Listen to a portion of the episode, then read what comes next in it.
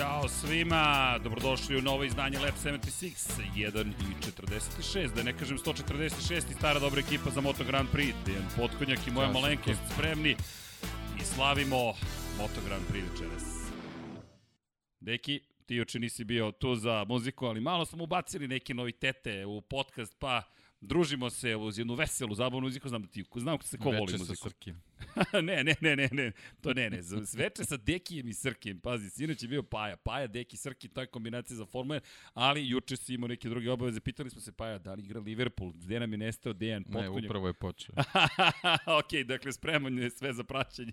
Vidi, sad si na mobilnom, možda i vidim šta se događa ovoga puta, ali to je modernizacija. Jedini sa računarom ostadoh ja, pa i ti ste na mobilnim telefonima i to je to. Old school sam postao ja zapravo u cijeloj priči. Ali nadam se ste nam dobro, dobro nam došli i da krenemo Od čega? Pa naravno, nadam se da ste dobro i da vodite računa jedni drugima i da vam je lepo veče, da ćete uživati sa nama. Opa, nešto se ovde čuje. To Dom Pablo proverava da li je podcast krenuo kako treba i kakav je zvuk. Dvanja nam je negde na odmoru, e, rekli smo mu da nam se ne javlja, da se uopšte ne pojavljuje u studiju. U ponedeljak je pokušavao, javljao se na Slack, pisao poruke, onda smo rekli, Dvanja, i da sve propadne u redu je. Vratit će se sve na svoje noge, tako da neće propasti. Mada Rim nije sagrađen za dan, tako da dan po dan, dan po dan, gore dole. U svakom slučaju, Vanje, gdje god da si, volimo te, a nadam se da uživate i da ste spremni za dupli vikend, trodupli vikend, finale Naskara. Formula 1 odlazi u Meksiko, a mi odosmo u Algarve u Portugalu i kada rečemo Moto Grand Prix-u, naravno pre nego što uopšte krenemo bilo gde, deki, jesi ti meni dobro? Dobro, nije loše. To, to je dobro čuti. Zatim, šaljemo vam pozitivne emocije. Zašto? Zato što su nam svima potrebne s vremena na vreme. Žuti nam se studio, kao što možete vidjeti. Stigla nam je majica Valentina Rosija i to je silna radost. Čekajte, evo malo promo. Nije baš model najbolji, ali... Hvala, Vale. Poruka od cijele ekipe, ja mislim svakog ljubitelja automotosporta, za koga da navijate, ovaj čovjek je legendarna ličnost, 25 godina u automotosportu i da, ono što ćemo pričati, o čemu ćemo pričati, biće i o borbi za titulu Moto2, Moto3 klase i o tome šta sada Fabio Quartararo radi kada je rasterećen, ima broj 1, zato 1 plus 40, i 46, pošto pričamo o njemu i pričamo o još jednom velikom šampionu koji je misteriozno povređen, Daćemo svoj komentar na celu priču, ali kao što možete vidjeti, koliko god da ste uspešni u nečemu, Valentino Rossi odlazi u penziju, Marquez se stalno povređuje, neka nova generacija svakako stiže, pozitivne stvari uvek postoje, ali mi hoćemo da kažemo, svi prolazimo kroz uspone, padove, dobre, loše periode i naravno, kada je reč o, o podršci, imate s ove strane, s druge strane, Prošao je mesec oktobar, pričamo o podizanju svesti i o, i o borbi protiv raka dojki, to su, uvek ponavljamo, ozbiljne stvari. Da, ponavljaću se i ponavljaću se i ponavljaću se, ali kada su te stvari u pitanju, to mislim da nije ponavljanje, to je prosto samo podsjetnik ljudi da treba da vodimo računa. Novembar je, mesec novembar, mesec posvećen podizanju svesti o raku testisa kod muškaraca i nešto što takođe važi, momci, proverite se, evo, mi, mi bi trebalo da odemo da se proverimo i nadam se da ćemo to učiniti, nećemo baš stavljati na Instagram, nema potrebe za time, ali da vam damo informacije da smo to uradili pre svega. Sad, koji su rezultati, držite nam palčeve, ali jeste važno da to učinimo. Ja shodno tome puštam za početak bradu, pošto ovo stvarno liči na brkove i ko zna kada ću doseći tvoj nivo, ovaj padavan je na dalekom nivou od Jedi, ma, Jedi brada mastera, gospodin Dejan Potkonjak, to je to, dakle, koji je spreman za novembar cijele godine, ali zaista ćemo se potruditi. Inače, deki, čuo si, ne znam da li si čuo, farbam se u zeleno u petak, da, Čuo pra, pratio si, da, kako sam, kako ste, ti si kriv, sad sam shvatio, ti si kriv za sve, dakle, tvoji Cincinnati Bengalsi, kakav je to način da vas New York Jetsi pobede, da vas mi pobedimo, ne, to, to moraš da mi kažeš, Pa, znaš kako sad ulažu u fokus kod svih. Tako To je. problem. Dve, tri možeš da se izvučeš sad. Sad si na radaru. I to na našem radaru ste bili, ali ja nisam je podigao avion uopšte u mojim u da. fantaziju. Ali bit će to dobro. Biće, to Biće. Mislim Biće da ćete biti opasni. sezona, Da, da. Mislim da Samo povrede ne budu. Ajde da kucnemo Samo drvo. toga, da. To i pričamo o zdravlju pre svega, tako da povedite računa jedni drugima i mazite se. I pazite se naravno, jer to je tako lepo učiniti i biti naravno pozitivan. Da, pred nama su trke, međutim činjenice da nekako opet u senku padaju ljudi koji su glavni u šampionatu sveta. Mi smo s toga kvartararu dali i majicu i zastavu i potrudili se. Međutim, večeras proslava Moto Grand Prix-a. Kratko ću objasniti zašto. 10 je dana od penzionisanja jednog od najvećih svih vremena i to je 10 dana koje vredi zapamtiti. Da, bit će posvećeno svakako Valentinu Rosiju, Šta god da se bude događalo na stazi, gde god da bude, to će biti glavna tema narednih 10 dana. No, jedna tema koju uvek zaboravljam na početku, to je ne zaboravljam, ali počeo sam u poslednje vreme, udrite like naravno i udrite subscribe prosto je lepo to videti i lepo je osjećati se voljenim. Tako da eto, delimo malo ljubav večeras i naravno kada delimo ljubav, pozdrav za sve naše pokrovitelje, patreon.com kroz Infinity Lighthouse, kao što ste već navikli. Mislim da sam promukao čitajući Patreon, inače zdrav sam iz konteksta e, pandemije, tako da ne brinete, kontrolišemo se manje više stalno, ali postoji te neke druge sada antičke bolesti poput e, po, klasične prehlade ili klasičnog gripa, vodite računa o tim stvarima, a kada je reč o ljudima koji nas podržavaju i na ovaj način, svi nas podržavate čim ste tu sa nama, veliki pozdrav svima, ići ću ovog puta redom, da bude jednostavnije. Sava, Toni Ruščić, Mario Vidović, Ivan Toškov, Stefan Dulić, Marko Bogavac, Ozren Prpić, Marko Mostarac, Nikola Grujičić, Aleksa Vučaj, Zoltan Mezeji, Zoran Šalamun, Miloš Banduka, Laslo Boroš, Đorđe Radojević, Ivan Simonović, Mihajlo Krgović, Nena Divić, inače metronom mi je Deki Potkonjak, Mon Nikola Božinović, Monika Erceg, Omer Kovačević, Filip Banovački, Miroslav Vučinić, Predrag Simić, Žorž, Stefan Vidić, Mlađan Antić, Jelena Mak, Mladen Krstić, Marko Ćurčić, Milan Nešković, Ivan Maksimović, Bojan Mijatović, Petar Relić, Stefan Prijović, Nenad Simić, Luka Saović, Andrej Božo, Boris Gvozden, Boris Golubar, Zorana Vidić, Luka Manitašević, Ljubo Đurović, Borko Božunović, Đorđe Andrić, Aleksandar Gošić, Mirjana Živković, Nemanja Miloradović, Miloš Vuletić, Daniel Kolobarić, Vukašin Vučenović, Ognjen Marinković, Miroslav Cvetić, Marina Mihajlović, Jelena Jeremić, Antonio Novak, Stefan Milošević, Nikola Stojanović, Jasenko Sambarđić, Mihovil Stamičar, Stefan Nedeljković, Zoran Majdov, Josip Kovačić, Lazar Pejović, Benjamin A, Nemanja Jeremić, da žena ne sazna, Boris Kujundžić, Tijena Vidanović, Stefan Ličina, Aleksandar Antonović, Dejan Vujović, Nemanja Zagorac, Đole Bronkos, Aleksa Jelić, Aca Vizla i Vuk Korać plus 19 tajnih pokrovitelja. No, Pablo, molim vas, kadar na Dekija Potkonjaka, kako izgledešla ruka? dakle, ljudski metronom je to. Sviraš bubnjeve, priznaj.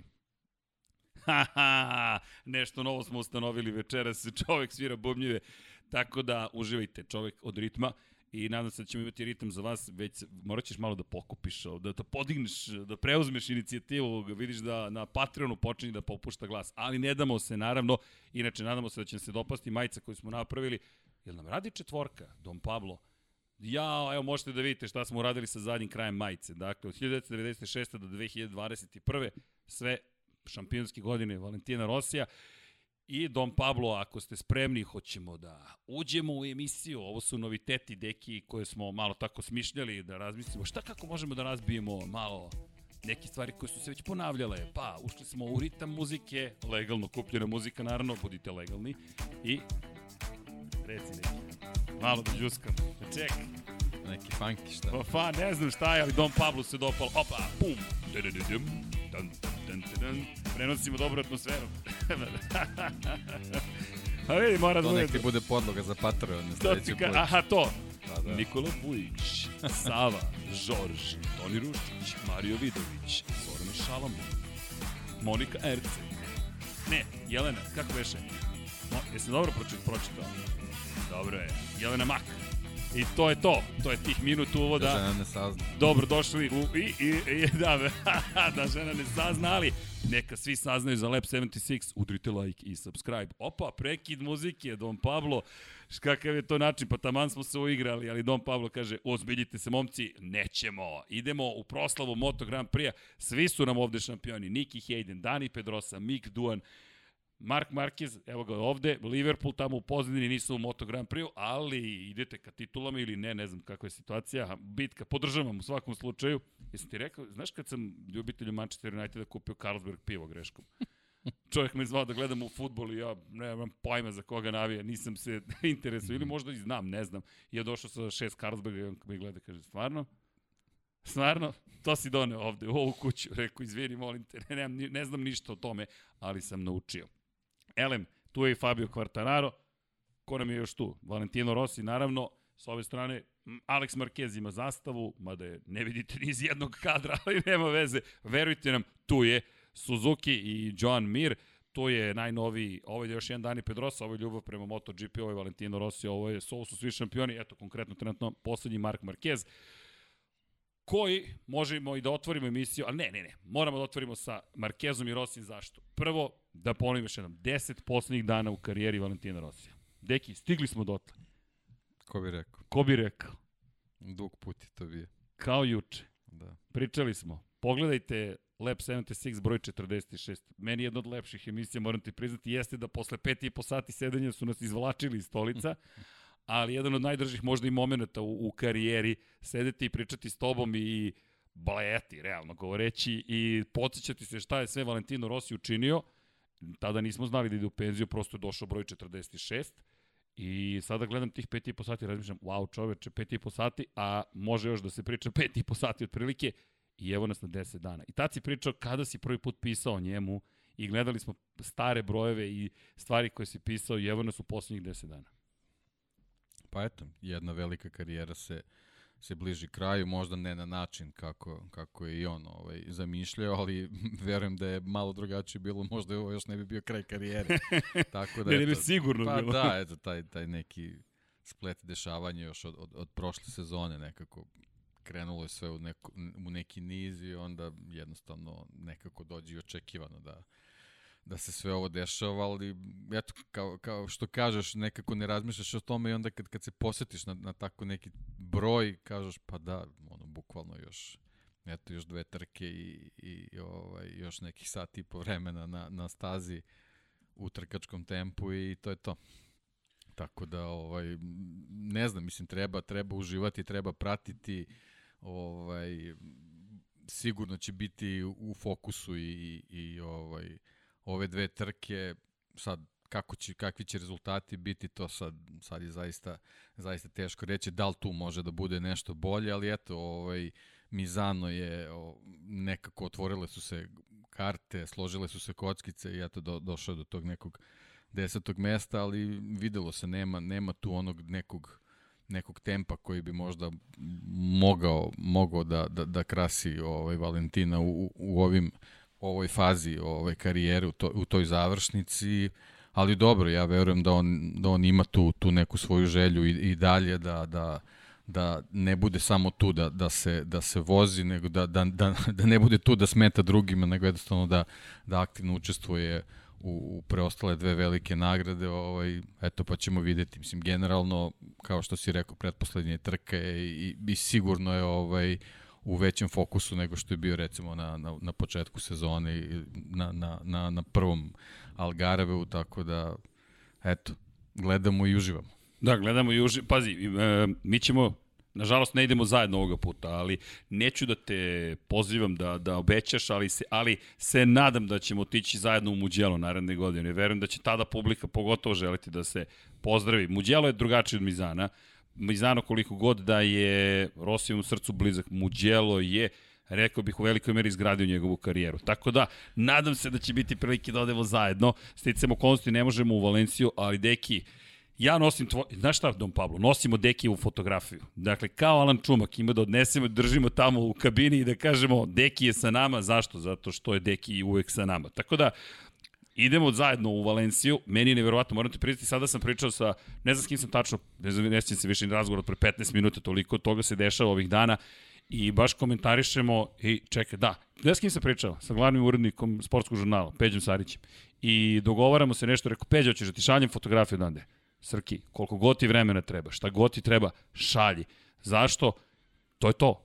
Kraj. I on, koji inače čuveni novinar košarkaški bio, sada glavni odgovorni urednik, kaže, svestan si da je to poslednji ples. Zaista poslednji ples. Rekao, vidi, da mi je neko rekao 1990. koje, osme, u Jutu da treba da odem za šestu utakmicu velikog finala između Utah Jazza i Chicago Bulls, sada da gledam Michaela Jordana kako pogađa onaj čuveni šut, otišao bih. Ali niko nije mogao da ti najavi da će to zaista biti njegova poslednja utakmica. Ovo je najavljeno i što pa juče reče, Rossi je podigao ceo sport. Jordan je deo jednog velikog sporta, koliko god je velik, opet je taj sport i pre i posle Jordana bio taj sport. Sad MotoGP je dobio nekoga, ne znam s kim da napravimo uopšte poređenje. Ne znam, sad si spomenuo Jordan i sad mi pada na pamet, možda će mu djelu da bude wild card pa će da vozi. Pa to, to, to, to nekako prizivamo nekako svi. Nekako ono kao, znaš, završio sam za dve trke, ne može tako da bude. Ali sa spet... Posebno što, što stoji ta mrlja, posebno zbog prošle sezone i, i trka bez publike i tako dalje i tako dalje, jednostavno nije, nije nekako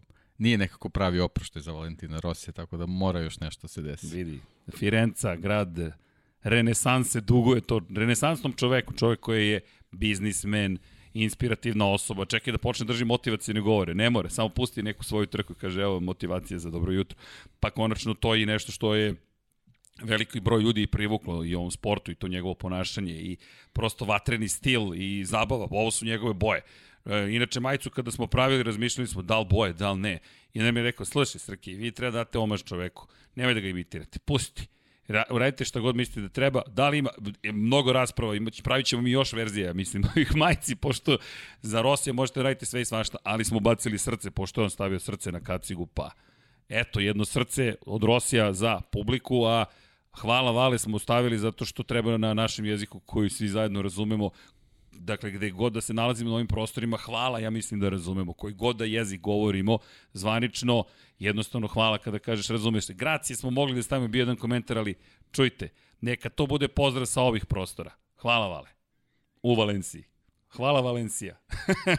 Bilo je raznih kombinacija, va, va, hvala, vale i tako dalje, la, vale i td. Ali prosto 10 dana u kojem nije ni bitno šta će učiniti, kao što si rekao. Ma, Zabava, čisto. Apsolutno, apsolutno je tako. I... Bilo bi lepo, naravno, da se sve začini nekim pobedničkim postoljem. Podijemima, da, da. To je teško izgovoriti. 200 ali, to u karijeri. Ali stvarno, stvarno je zaslužio. U Moto Grand Prix, stvarno da. je zaslužio to. Jeste, ali ne, neko je imao koncept, kaže, znaš šta, zamisli da se svi sklone i da ga puste, kažem, ljudi, o, da neće Sklonio bi se i on.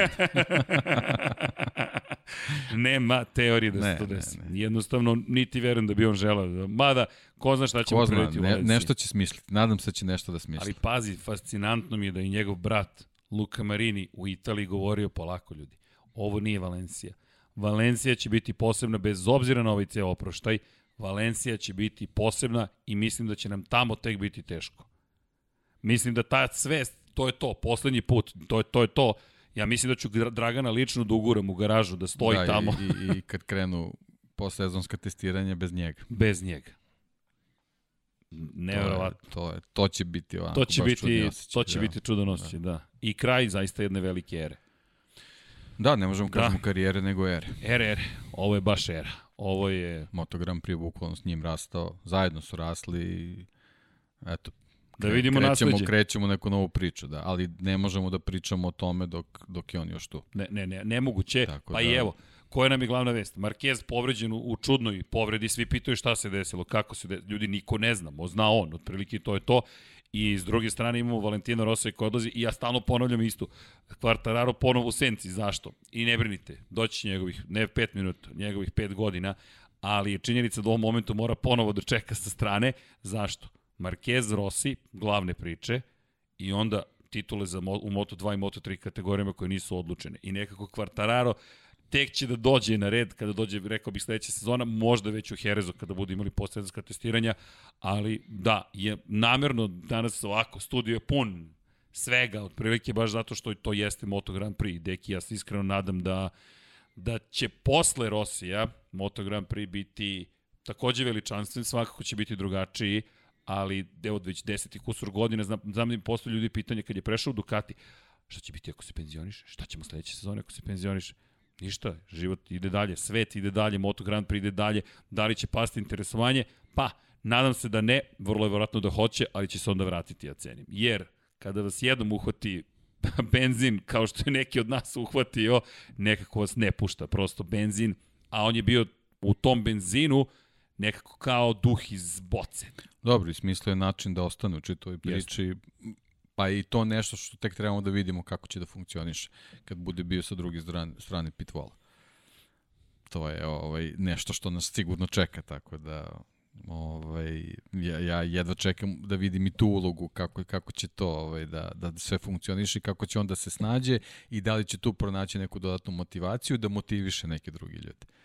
To je onako nešto što, što, s čim se do sad nismo sustrili, jer mi njega stalno generalno vidimo na tom pit wallu kako bodri ovaj, momki iz akademije, iz tima i tako dalje i tako dalje, tako da njemu je to već u krvi. Sad samo da vidimo da li postoji mogućnost da tu nešto dodatno razradi. To je to i njemu je benzin u krvi. Nema ne od toga. Ja, pošto vidimo, ne... vidimo da da generalno VR46 ekipa ima ima tu žicu. Videli smo taj motocikl u Mizanu. Potpuno žut. Ej, blende nisu to je, mogli da to je to u stvari uh, to je ta to, to, to je u stvari nasleđe Valentina Rosija da neko to smisli da, kao omaš. Tako da vidjet ćemo šta sve može da bude sledeći sezon. Bio bi ponosan na mene, iako to nisam nigde postavio, ali postavit ću na Instagram, tamo smem, kada se opraštao od redara u Mizanu. To je posebno bila cela ceremonija gde je došao da se pozdravi od redara. Dakle, svi redari, njih ima mnogo ljudi, to često se ne zna, to, to, to je par stotina ljudi koji tu radi i svi su stajali praktično i Rossi kojim se obratio i pozdravio ih sve i potpuno oduševljenje. To je sve iza kulisa, mislim da je Dorna kasnije izbacila video, ali imam, taj, imam snimak kada odlaze, kada napuštaju prosto taj skup i koliko to lepo izgleda, prosto, kao što si rekao, jedna posebna priča i sad treba vidjeti kako će se on ponašati u jednoj novoj ulozi i morate pričati s jedne strane jedva čekam, da, s druge strane, pa nekako biće čudno da ne, ne izgovoriš startni poredak Valentino Rossi, da, da. gde god daje. Ne da, bukvalno eto za, za sve ove godine samo pauza zbog povrede praktično. To je to je bio neki duži period. Ovaj ali ali jednostavno to je bio period u trenutka kad kad smo imali saznanje da neće biti na stazi već u sledećeg trenutka kad će se vratiti. I tu je opet je sve vreme bio bio tu. Tako da ono mislim jednostavno obeležuju naše karijere tako da Jeste. to već Naši dosta dosta dugo traje pa da da dosta dugo traje i onako eto on je među redkim sportistima za kojeg stvarno mogu da kažem eto, da, da, da, da sam ga pratio od, on, od, od, od početka do kraja karijere koja uopšte nije kratko trajala. 25 godina, neki. Da. Četvrt veka. I za tebe i za, i za mene. Pa, Ti imaš više staža, to je to, pa da. ali tu smo kretali smo u sličnom periodu, pričali smo o tome i ti prvi tekstovi potpuno neverovatno sad sve to izgleda. E, ali možda ćemo lakše do intervjua u budući. Kao šef pa ekipa. možda, da. možda, da. Ej, sad je Vidjet super. Ćemo, da. Sad su primorani svi na zahtev Dorne šalješ zahtev i naravno svi tražimo Rossi i sad Rossi mora sa svima da ima intervju, makar dva, tri pitanja, pošto se zbog COVID-a protokol promenio, više ne odlučuju timovi, već Dorna poziva sve vozače, uključujući, uključujući Valentina Rosija. Obilato smo to iskoristili, Jelena napravila si četiri razgovora od četiri dana. Na spisku je stalno isto Valentino Rossi. Pa čuj, kad smo došli već na stazu A, i dogovorio sam se, rekao, Jelena, slušaj me, ja bio u kabini ne, ja dolazim da se pozdravim s čovekom, 25 godina se pratimo, to jest on mene ne prati, ali ja njega pratim, ali moram dođem i kažem hvala, ništa drugo. Samo, ali vi, viđao te. Pa, viđao te. jeste, viđali smo. Zapravo dok shvatiš da, da, da oni pamte dosta dobro i, i tebe i mene da su viđali i bili smo vredni. Generalno su, su sportisti tog profila u automotosportu onako mogu da kažem da su onako prilično inteligentni, tako da Ovaj, znam, znam da pamte dosta stvari. da, da, da, baš pamte. I to je nekako i lepo i izbunjujuće ponekad, ali vam je i čast istovremeno. Ali, do, deki, naredne godine čeka nas novitet, no 10 dana još imamo da se zabavljamo i da pričamo o karini, mada znaš da će biti na, u Milanu, to smo spomenuli, bit će i, na, i dalje na sajmu motocikala, tako da njegov angažman do 31. Da se ne ponavljamo, ali cenim da će imati najveću proslavu u, u svojoj karijeri, u svom životu 31. decembra u 23.59 ističu ugovori sponzorski, ističu promotivne obaveze i aktivnosti i sada gospodin počinju nove. Počinja. En, znaš šta je najgore? Kad ih nametne sam sebi a to je već počeo da, da. radi, mislim da ti ja to vrlo dobro znamo kad sebi namete to obavez i kažeš, au čekaj, ja sam ovo pokrenuo, ja ovde moram sada da se pojavim, a onda shvatiš, ali koliko ja ovo volim zapravo u celoj priči, a Rossi Dobro, pa... to će biti da neki, neki novi moment u, u, njegovom takmičenju, on je gen, generalno je takmičar u, u, u, u, krvi i u, i u, i u, i u, u čitavom telu svom, tako da ovaj 100% će pronaći neki način da, da, da se takmiči s nekim. Izmislit će protiv Lina Jarvisa, ako ništa drugo. čekaj, čekaj. U, ima tu, ima tu ekipe. ima, ima, mislim, spisak. Neki su mu se zamirili, tako da... Ali zanimljivo da će da. sarađivati sa Ducatim. Dobro. Da. Eto, pa možda će osvojiti neku titulu kao šef ekipe sa Ducatim. Ej, to će isto vjerojatno biti prvi put u istoriji da osvojiš sa jednim pa sa drugim. Wayne Rainey je osvajao sa Yamahom, nikad nije osvojio titulu kao šef ekipe. Tek kada je Jarvis došao i preuzeo, ali dobro, to je neka druga priča. No, spomenuo si povrede i da je bio odsutan samo kada je reč o povredama, ista priča sada važi za Marke, Marka Markeza. 9 titula kod Rosija, 8 titula kod Marka Markeza, preko 100 pobjeda Giacomo Agostini, preko 100 pobjeda Valentino Rossi i samo njih dvojica. Mark Marquez je na koti 85, Juri tu stotu sigurno, ali deki ovo je, mene, ja se sad ponovo, moram ti reći da se uplašio i rekao, čekaj čoveče, ti si u subotu vozio motocross, kakav je to pad? Kada ti saopštiš da si utorak i dalje osjećao posledice tog pada, da je potres mozga bio takav da ti utorak saopštavaš da nećeš doći u Algarve da voziš trku.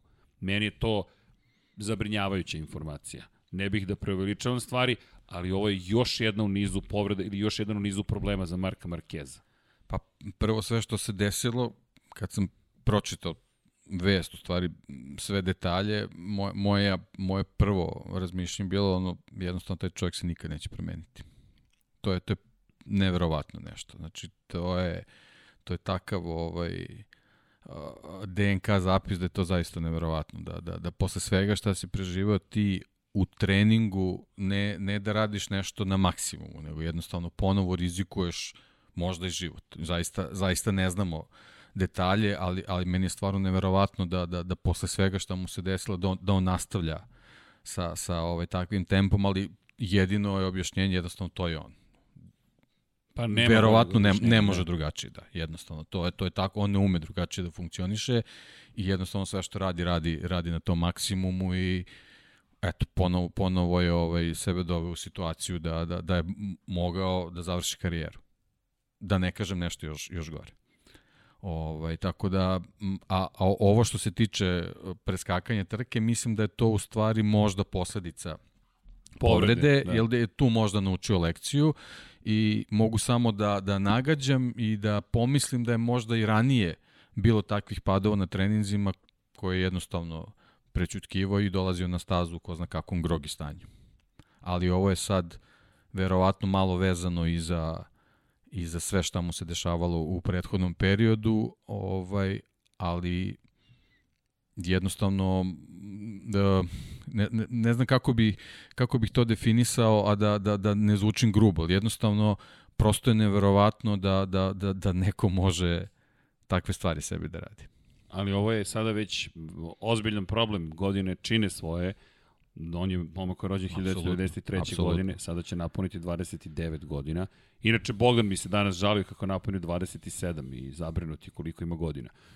Rekao, izađi napolje. Rekao, stvar, napusti prostoriju, pošto ovo zaista nema nikakvog smisla, kakav je to način prema, prema nama, ali kada govorimo... Kako je to konstatacija?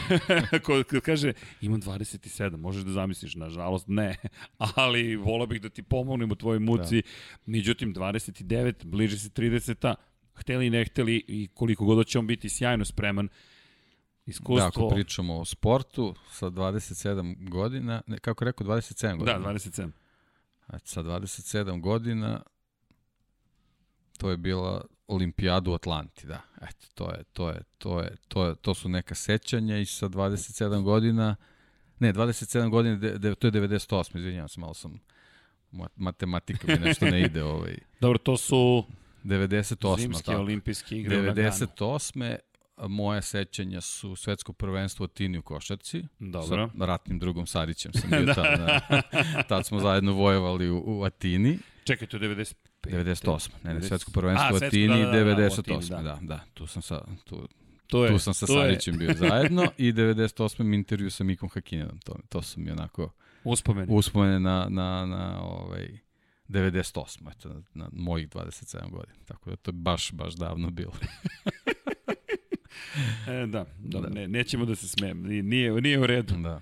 90, 27, ja 2003. godine. Tad sam bio baš u vodama marketinga, nisam u novinarstvu samo kroz SQ magazin i, i dobio sam poziv da odim da, na redovno odsluženje vojnog roka. Od 1. septembra do 15. maja 2004. godine i u Aleksincu sam bio na topu od 130 mm. Zanimljivo iskustvo, ali znaš čega se sećam? Ćale koji me zove, to sam spomenuo, ja mislim i tokom specijala i pričao Australiji i MotoGP-u. I kao, sine, šta je Rossi uradio? Ja kažem, tata, Kako si ti, sine? Dobro sam tata, nego šta je Rossi uradio? Pusti ti ovo, moj tata koji nije navijač, ali sportska, to je ono što nas sve nekako vezuje. Sportski rezultat, uspeh neči, bilo čiji, takvo ushićenje stvori među nama da ti gledaš podvig koje je taj neko u, dostiga, učinio i kažeš to je to. To je ta inspiracija, tako da pozdrav za tatu, nadam se da sluša. Mama mi se povremeno pojavi u komentarima. Da, u da, vidim, vidim da, da je redovno da prati. Ali e, ja moram da se izvinim moje mami. Naljutila se silno na mene kada sam rekao da ima 90 godina, to je 187. Nema, mama ima 77 godina, ali da, u šoku su svi, ali šta ja radim? Ja uvek dodam 10 godina moje mami i onda tek svi padnu u nesvest kada pomisle da zaista je bliže 90. godinama i kaže kako dobro mama izgleda, kažem vidiš, dobila si kompliment instant, inače bi ga dobila, sad smo ga pojačali. Ali rekao, ne, ne, zaboravi ti to, sine. zaboravi ti to, sine. Nemoj više tako da se šališ. Tako da ovde Dom Pavlo dobacuje, jel ti imaš 55? Imam 55, nema problema. Vidi kako izgleda za 55-godišnjaka, super sam. Sa 45, onako. Ali dobro, da se vratimo Markezu, to su te godine i nižu se povrede, telo trpi, psiha trpi, mada ja mislim da si ti u pravu, da se on prosto neće promeniti. Ja mislim da on ni ne pa, ume drugačije. Mislim da je ovo kako Znaš kažem, kako? povreda ova, da je na krilima poslednjih rezultata u Moto Grand Prix. Dve pobjede za redom. To je stvarno verovatno ozbiljno podiglo njegovo samopouzdanje, ali čim se to desi, vrati se stari Markezi i njegovo telo to više ne, ne može da izdrži. Njegovo telo nije telo pa, starog jednostavno Markeza. ne može, da. Ta povreda je previše ozbiljna. Mi smo videli kako ljubi desnu ruku. Koju ne može, da, da ne može da stegne uopšte. Da, to, to nije isto telo. To je ono što je i sam govorio. Ja šaljem impuls, ali nema reakcije.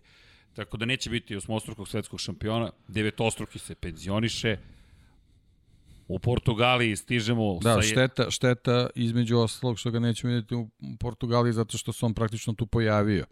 Jeste. I to bi bilo poređenje sjajno. To, to bi bilo odlično poređenje da vidimo u stvari gde, gde je taj Markezu, odnosno onog rekonvalescentna sa početka sezone, ali eto, ne, nećemo moći to da vidimo. Ovaj, u svakom slučaju mi je žao što nije tamo, a to je onako jedan dodatni razlog. I nešto je možda još povod da se propusti Portugalija, da bi se bilo u Valenciji da se oprosti i od Španije i da se oprosti od sezone.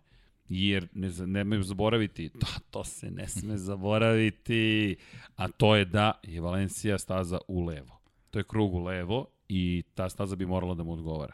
A ovo je staza koja je veoma brza i pokorio je Mizano, dakle krivine u desno, je već počeo da savladava Tako da mislim da to je moj utisak samo da hoće da bude tu za Valenciju. Pa verovatno je samo stanje ovaj doprenulo toj odluci da, da, da se ne pojavljuje, a Algarve kao, to je Sportimao kao staza kao takva je verovatno dodatno ovaj, bila začin u toj odluci da, da, da je ipak bolje da, da, da, da propusti čitavu priču. Sad, stepen povrede, to je ono što brine da, da uopšte dođe do, do, do razmišljanja da preskoči trku. Ali ko će biti za to u Portugaliji? U Portugaliji će biti dva poslednja pobednika na ovoj stazi. U Algarveu Miguel Oliveira na KTM-u, domaćin prošle godine poslednja trka sezone, apsolutna dominacija. Nije ga bilo u prvoj trci ove sezone u Portugalu nigde, ni ali nije bilo ni KTM-a, da budemo iskreni. I Fabio Quartararo. Deki, kao što si rekao za Markeza, tada se pojavio Markeza, ali Quartararo je tada započinio svoj šampionski pohod i da ga vidimo sada, iako smo u Mizanu videli da je poređenje teško praviti, nekako mislim da si baš lepo rekao, ovo je ipak bio početak sezone, ovo je kraj, a Mizano je nekako došao relativno brzo, pa da vidimo Quartararo sada rasterećen, novi svetski šampion, da li će samo završiti sezonu kako je počeo. Da, pa mislim da, da je, ono, kao što smo pričali za Markeza, to isto važi i za Fabio, mislim da neće biti nikakve kalkulacije tu. Mislim to je to. Da, da, da je niko ne može da, da, da ga nagovori da ne završi sezonu u stilu. Tako da mislim da, da od njega možemo da očekujemo juriš na obe pobede. Sad, da li će moći da ostvari, vidjet ćemo, ali mislim da jednostavno nema, nema apsolutno nikakve kalkulacije, glupo uopšte da, da, da, da pričamo na, na tu temu. A, a pazi, a meni, meni deluje da, da isto to, da je ovo kvartararova pobjeda.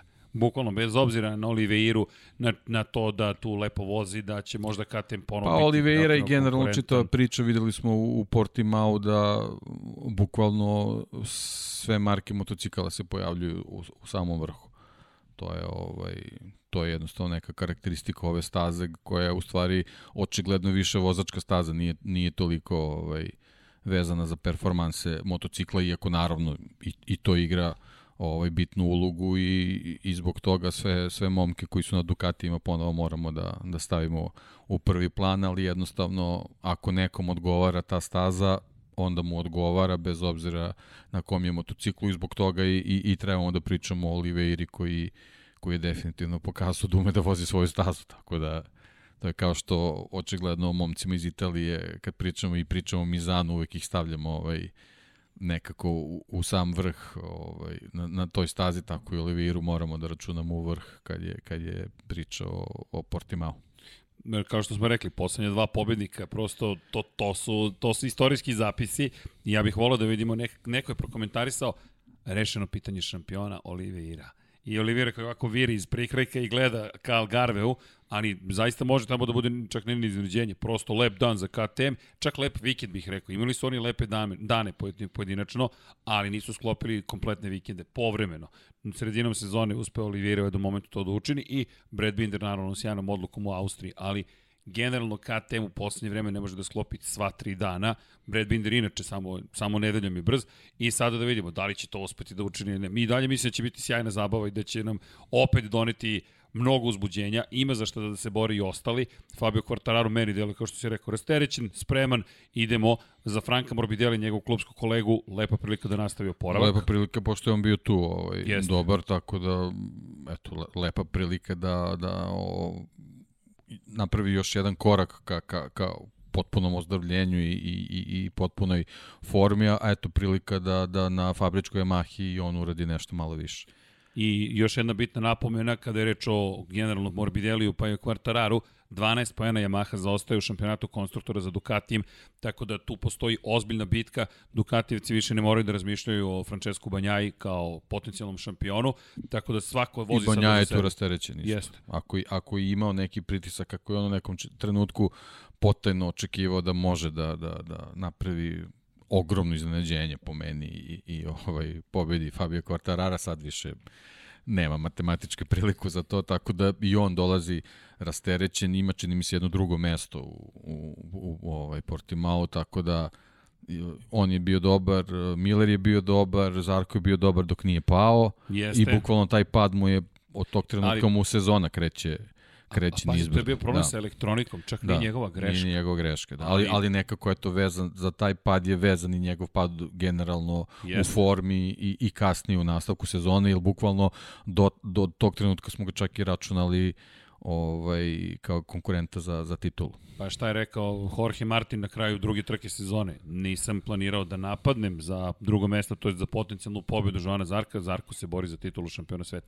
Već tada su u pramaku kalkulisali i na, na taj način računali na Joana Zarka. Nije se dogodilo.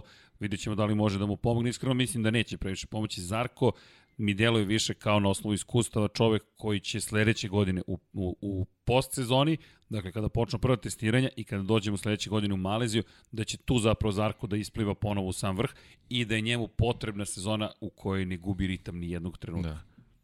To mi je to. Je, to je nekako hvatanje poslednjeg voza. Bukvalno. To je to. to je. I kad si već spomenuo Martina, on je, on je ovdje imao onaj užasan pad koji je takođe obeležio ovaj, čitavu sezonu, kako je on rekao, sezona koja je bila prelepa i, i, i, i puna mnogo lepih stvari, a opet s druge strane sezona u kojoj imao pa, koju bukvalno mogu da mu završi karijeru. Tako i on rekao, tako da ovaj eto iza njega prilika da da se da da, da skine sleđe tu jednu bedu koja ga je zakačila ovaj u, Vole to vozači. U, u Portimao da da jednostavno sad on pobedi stazu to, to. ili ona njega pobedila, tako da jednostavno mora, mora da bar izjednači rezultat. A, najbolji. Ducatijev da. plasirani vozač donosi u šampionatu konstruktora poene. Da, to je, Nije to je stvar. ono što, što je za Ducati u ovom trenutku najvažnije. Samo dva puta u istoriji Ducati osvajao ovu titulu, tako da je ovo prilika da se odbrani čak titula. Prethodni put su to učinili 2007. čuvena sezona Casey Stonera i osvajanje titula u pojedinačnoj konkurenciji konstruktora. Prošle godine je osvojena titula, ali posle kazne Yamahe. Ovo je prilika da se direktnom duelu pobedi Yamaha koja je već osvojila titulu u šampionatu vozača i stavi do znanja, ok, možda ne imamo najboljeg vozača, ali imamo najbolji motocikl. I da. to I nije to je, I to je to pitanje imamo najbolji motocikl, to je to je sad ovaj pitanje sa druge strane. Yamaha mora ozbiljno da poradi na, na, na svom motociklu, znači na stranu ovaj uspeh Fabija Kvartarara, to je, to je njegov uspeh bukvalno mi dalje ne znamo kako je on uspeo da, da bude toliko dominantan na, na toj Yamahi, ali, ali to je u stvari signal za čitavu ekipu da nema, nema spavanja na lovorikama, znači bukvalno sledeće jutro posle Valencije ozbiljan, ozbiljan rad mora da, da, da počne da bi se pripremio i ole bolji, kvalitetniji pre svega mislim snažniji motocikl za, za novu sezonu. A pazi, Yamaha prošle godine koliko problema. Nadomak titulu šampionatu vozača osvaja Joan Mir sa Suzukijem, nadomak titulu šampionatu konstruktora osvaja je Ducati, Yamaha koja je poslednji po 2015. bila šampion u konkurenciji konstruktora, da, 14 titula u Moto Grand Prix klasi, ali opet prošlo je 6 godina kada su to učinili i negde neko u Japanu sigurno kaže čekaj, ajmo da osvojimo i ovu titulu, to jest ako se ne pita u Japanu,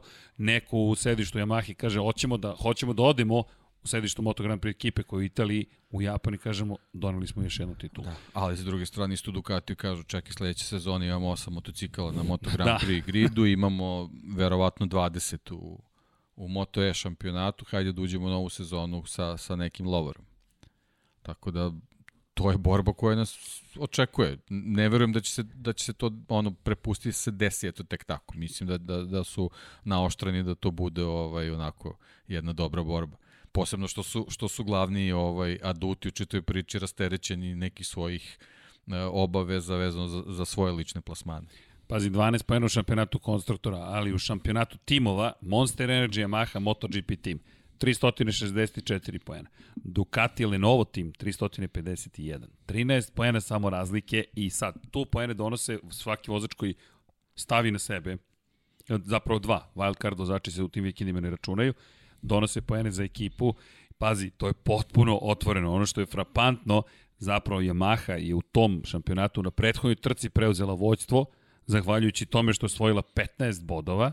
Dakle, Morbidelli 2 poena, 13 poena za, za Fabio Quartarara, a Ducati Lenovo tim niti jedan jedini.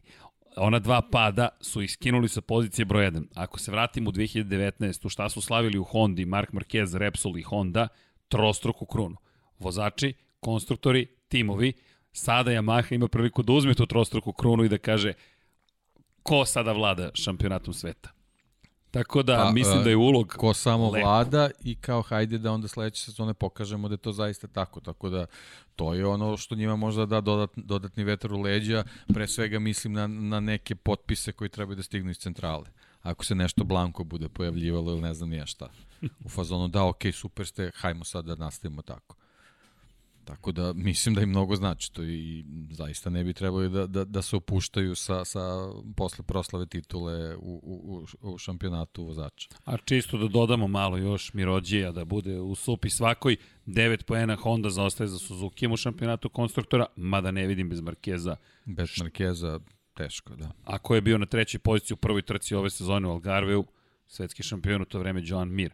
Tako da, iako Suzuki je zaostajao ozbiljno u razvoju motocikla, Joan Mir ovde ima šta da traži po pitanju bodova i pride KTM zaostaje 8 poena za Hondom u šampionatu konstruktora. Tako da 17 Koji ima bodova. Šta da traži tako ovde, je. Da. Deli Suzuki, Hondu i KTM. I sad zamisli KTM, ako može da se vrati KTM, poslednji put kada je osvojio dvostruki broj poena je bilo u Velikoj Britaniji, šesta pozicija za Breda Bindera, 10 bodova tada. I ovo je sada šansa da nekako kroz Oliveiru i možda Bindera u poslednjoj trci, možda i nekog drugog, trećeg, četvrtog, ko zna, možda Danilo Petrući se oprosti od Portugala i Valencije kako treba, ili Iker Lekon od svoje rodne Španije za 10 dana u Valenciji. KTM u svakom slučaju ima o čemu takođe da razmišlja. Tako da vodite računa o tim šampionatima, to nisu male prosto stvari i u šampionatu vozača Jack Miller zaostaje 3 poena za Zarkom, Mark Marquez, možemo da zaboravimo tu priču da će možda doći i do treće pozicije u šampionatu vozača. Mislim da mu je to bio cilj, koliko god bio zahtevan. Četvrta pozicija svakako. Brad Binder 6 pojena zaostaje za Marquezom, zaostaje 13 pojena za Millerom i tu bih stao, posle toga je mnogo veća razlika. Ima tu bitaka Alex Rins, Pole Spargaro po jedan poen razlike, od Miguel Oliveira im beži takođe po jedan, to je dva poena ali ova bitka mislim da je da je zapravo glavna. Tako da u Algarveu ima zašto da se bori u Moto Grand Prix, svakako za slavu. Svako želi da pobedi. Pa, apsolutno. E sad jedino što eto, došli smo od toga da ispao smo malo, malo ovaj, u, u Portimao, koliko smo dugo čekali da se pojavimo na toj stazi, ali dobro, vidjet ćemo i vremenski uslovi, to je ono što, što stalno pričam kad je ovaj period godina u pitanju, možda bude lepo vreme, ali znamo da tamo možda bude vetrovito, tako da to je, to je nešto što može, može da diktira ovaj, Deki. neki, neki raspored u plasmanu. Prognoza. Izvini. Reci. Sunce, sunce, sunce, sunce, sunce, sunce, sunce, sunce, sunce i mesec. Dakle, to je to. To je Gledajte to, zvezde da. i uživajte u Znači, sunčanim danima. To smo prebrinuli. ali, ali, pazi sad ovo, mora neko ali. Jutarnja temperatura 9, 8, 9 i u nedelju 7 stepeni. Da, to je onaj, to je onaj problem što smo imali u Aragonu prošle godine. Jeste. Te gume neće funkcionisati, Da. nemojte biti iznenađeni ukoliko ponovo pomere. To je ovaj pomeranje sata. Tako da, je. To uradilo, da. Tako da očekujte da bude odložen zapravo trening, jer gume na 7 stepeni Celzijusa, ne, to je kamen. To ste stavili kamen i to ničemu ne služi, bukvalno. A gornja, maksimalna temperatura 18, 18, 18 i u nedelju 19 stepeni. Staza ako bude preko 20 stepeni Celzijusa, bit će srećni. Tako da i za Mišelin ovo će biti ozbiljan izazov i taj čuveni cold tear, da li će imati hladno cepanje guma, to, to može biti ve, veoma veliki izazov. Zato kažem, eto, to su neke stvari ko uspe, ko, ko uspe da, da tu napravi dobar menadžment, e, može da se desi da se malo promešaju neke karte u smislu ovaj favorita, ali ovaj to to ćemo videti ovaj verovatno će nam prvi dan doneti neku, neku sliku u stvari da li, da li možemo da nešto razmišljamo na, na taj način, posebno ako je ovakva prognoza, znači praktično ćemo imati identične dane, tako da biće onda, Da. da. onda jednostavnije za pripremu, ali u stvari prvi dan će nam pokazati šta možemo da očekujemo. i omiljeni šampionat, pogotovo mog dragog prijatelja Deke Potkonjaka, u kojem učestvuju Lorenzo Savadori, Luka Marini, Jorge Martini, vodeći u šampionatu Novajlija, naravno je Nea Bastianini, 87 poena za Beštiju, 82 za Jorge Martina. Deki u poslednje četiri trke, u poslednje četiri trke od ovih 87 poena Bastianinija, 52 poena su osvojena. Šesti u Aragonu, treći u Mizanu, šesti u Americi, treći u Mizanu, to je na, na velikoj nagradi Milije Romanje. U tom istom periodu 18 poena Jorge Martin, deveti u Aragonu i peti u Americi. To je to. Nije završio ostale trke. Luka Marini gore dole, nije ni blizu ovoga što je počinio Bastianini. Lorenzo Savadori, svoja četiri poena. Šteta za Savu, želimo mu potpuni brzo poravak. Da. I bit će to isto, ja Biće mislim da zanimljivo se posebno gledaju. što prošli Portimao Enea je bio najbolje plasirani ruki na toj Jeste. trci, ali dobro. Deveto mesto. Martin nije vozio zbog, zbog povrede, tako da i i zbog toga će biti zanimljivo da u stvari vidimo šta, šta može na ovoj stazi. Nadam se da, da će on biti ovaj, u, u, u, ovaj, u formi, posebno zbog pada u Mizanu, nadam se da, da je to prošlo, će to da zaboravi, tako da volao bih da tu imamo baš onako zanimljiv duel. Jel Znaš da- sećamo se prošle godine Bastianini imao imao imao ba, onako baš lošu trku vezanu za za osvajanje titule u u, u Portimao tako da u stvari možda je prva trka ove godine u stvari njegovo pravo izdanje i ono šta može da pokaže na ovoj stazi pa eto to može da bude jako zanimljivo. Da vidimo kako uči. Stazu u Italiji je Da. znao na kvarno. da, to, to, pa to da, je da, komšiluk. to, to što se tiče njih ne važi. To je ko nama Svetogorska. to, To to, važi, to se da. poznaje. Ali pazi ovo. Ovo je, ovo je dobar test. Ali ovo, ovo negde parafrazirat ću te, ima, ima dve, dva parafraziranja. Ovo je ili italijanski kup Novajlija, pošto svi vozi italijanske motocikle, ili, ili italijanskih proizvođača, ili Ducatijev kup Novajlija, pošto Ducati, Ducati, Ducati je jedan aprilin vozač koji više ni ne vozi. Tako da imamo samo trojicu Ducatijevaca koji se bore, već je ispao, to jest teoretski još uvek može Luka Marini ako pobedi dva puta da pobedi u kupu Novajlija ovom, ali mi smo ga nazvali kup Novajlija, ali realno je Nea Bastianini protiv Jorge Martina za Ducatijev kup Novajlija. Može da bude jako zanimljivo. I Nadam se. Vidi, nadam se. pa i pitno iz perspektive postavke da sutra dođeš tu iđi do linije i kažeš ko je bio najbolji Novajlija na Ducatiju. Osim što je moj iz 2019. Da. Već tu imaš neke Bonus, žetone, neki bonuse, bonus, tako da. je, tako je. Ali, Neki ali, koeficijent. ali lepa bitka, zaista lepa bitka ili super uvod nekako za Moto dvojke.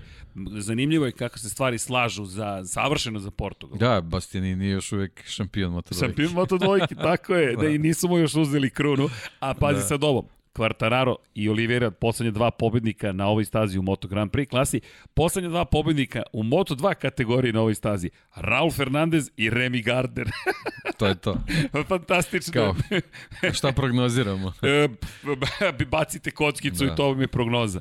Ali bit će, ja, ovo će biti najveći psihološki test koji će, ja mislim, neću reći ikada doživeti, ali ovo je Deki, ovo je onaj moment u životu kada dođeš ili u igrici, samo što u igrici možeš da ponavljaš, osim ako igraš Nightmare mod u Diablu, onda nema ponavljanja, nemojte da se igrate, ali ili se igrajte pa vidite kakva je odluka. I dođeš i to je sad to račvanje. Multivers se otvara.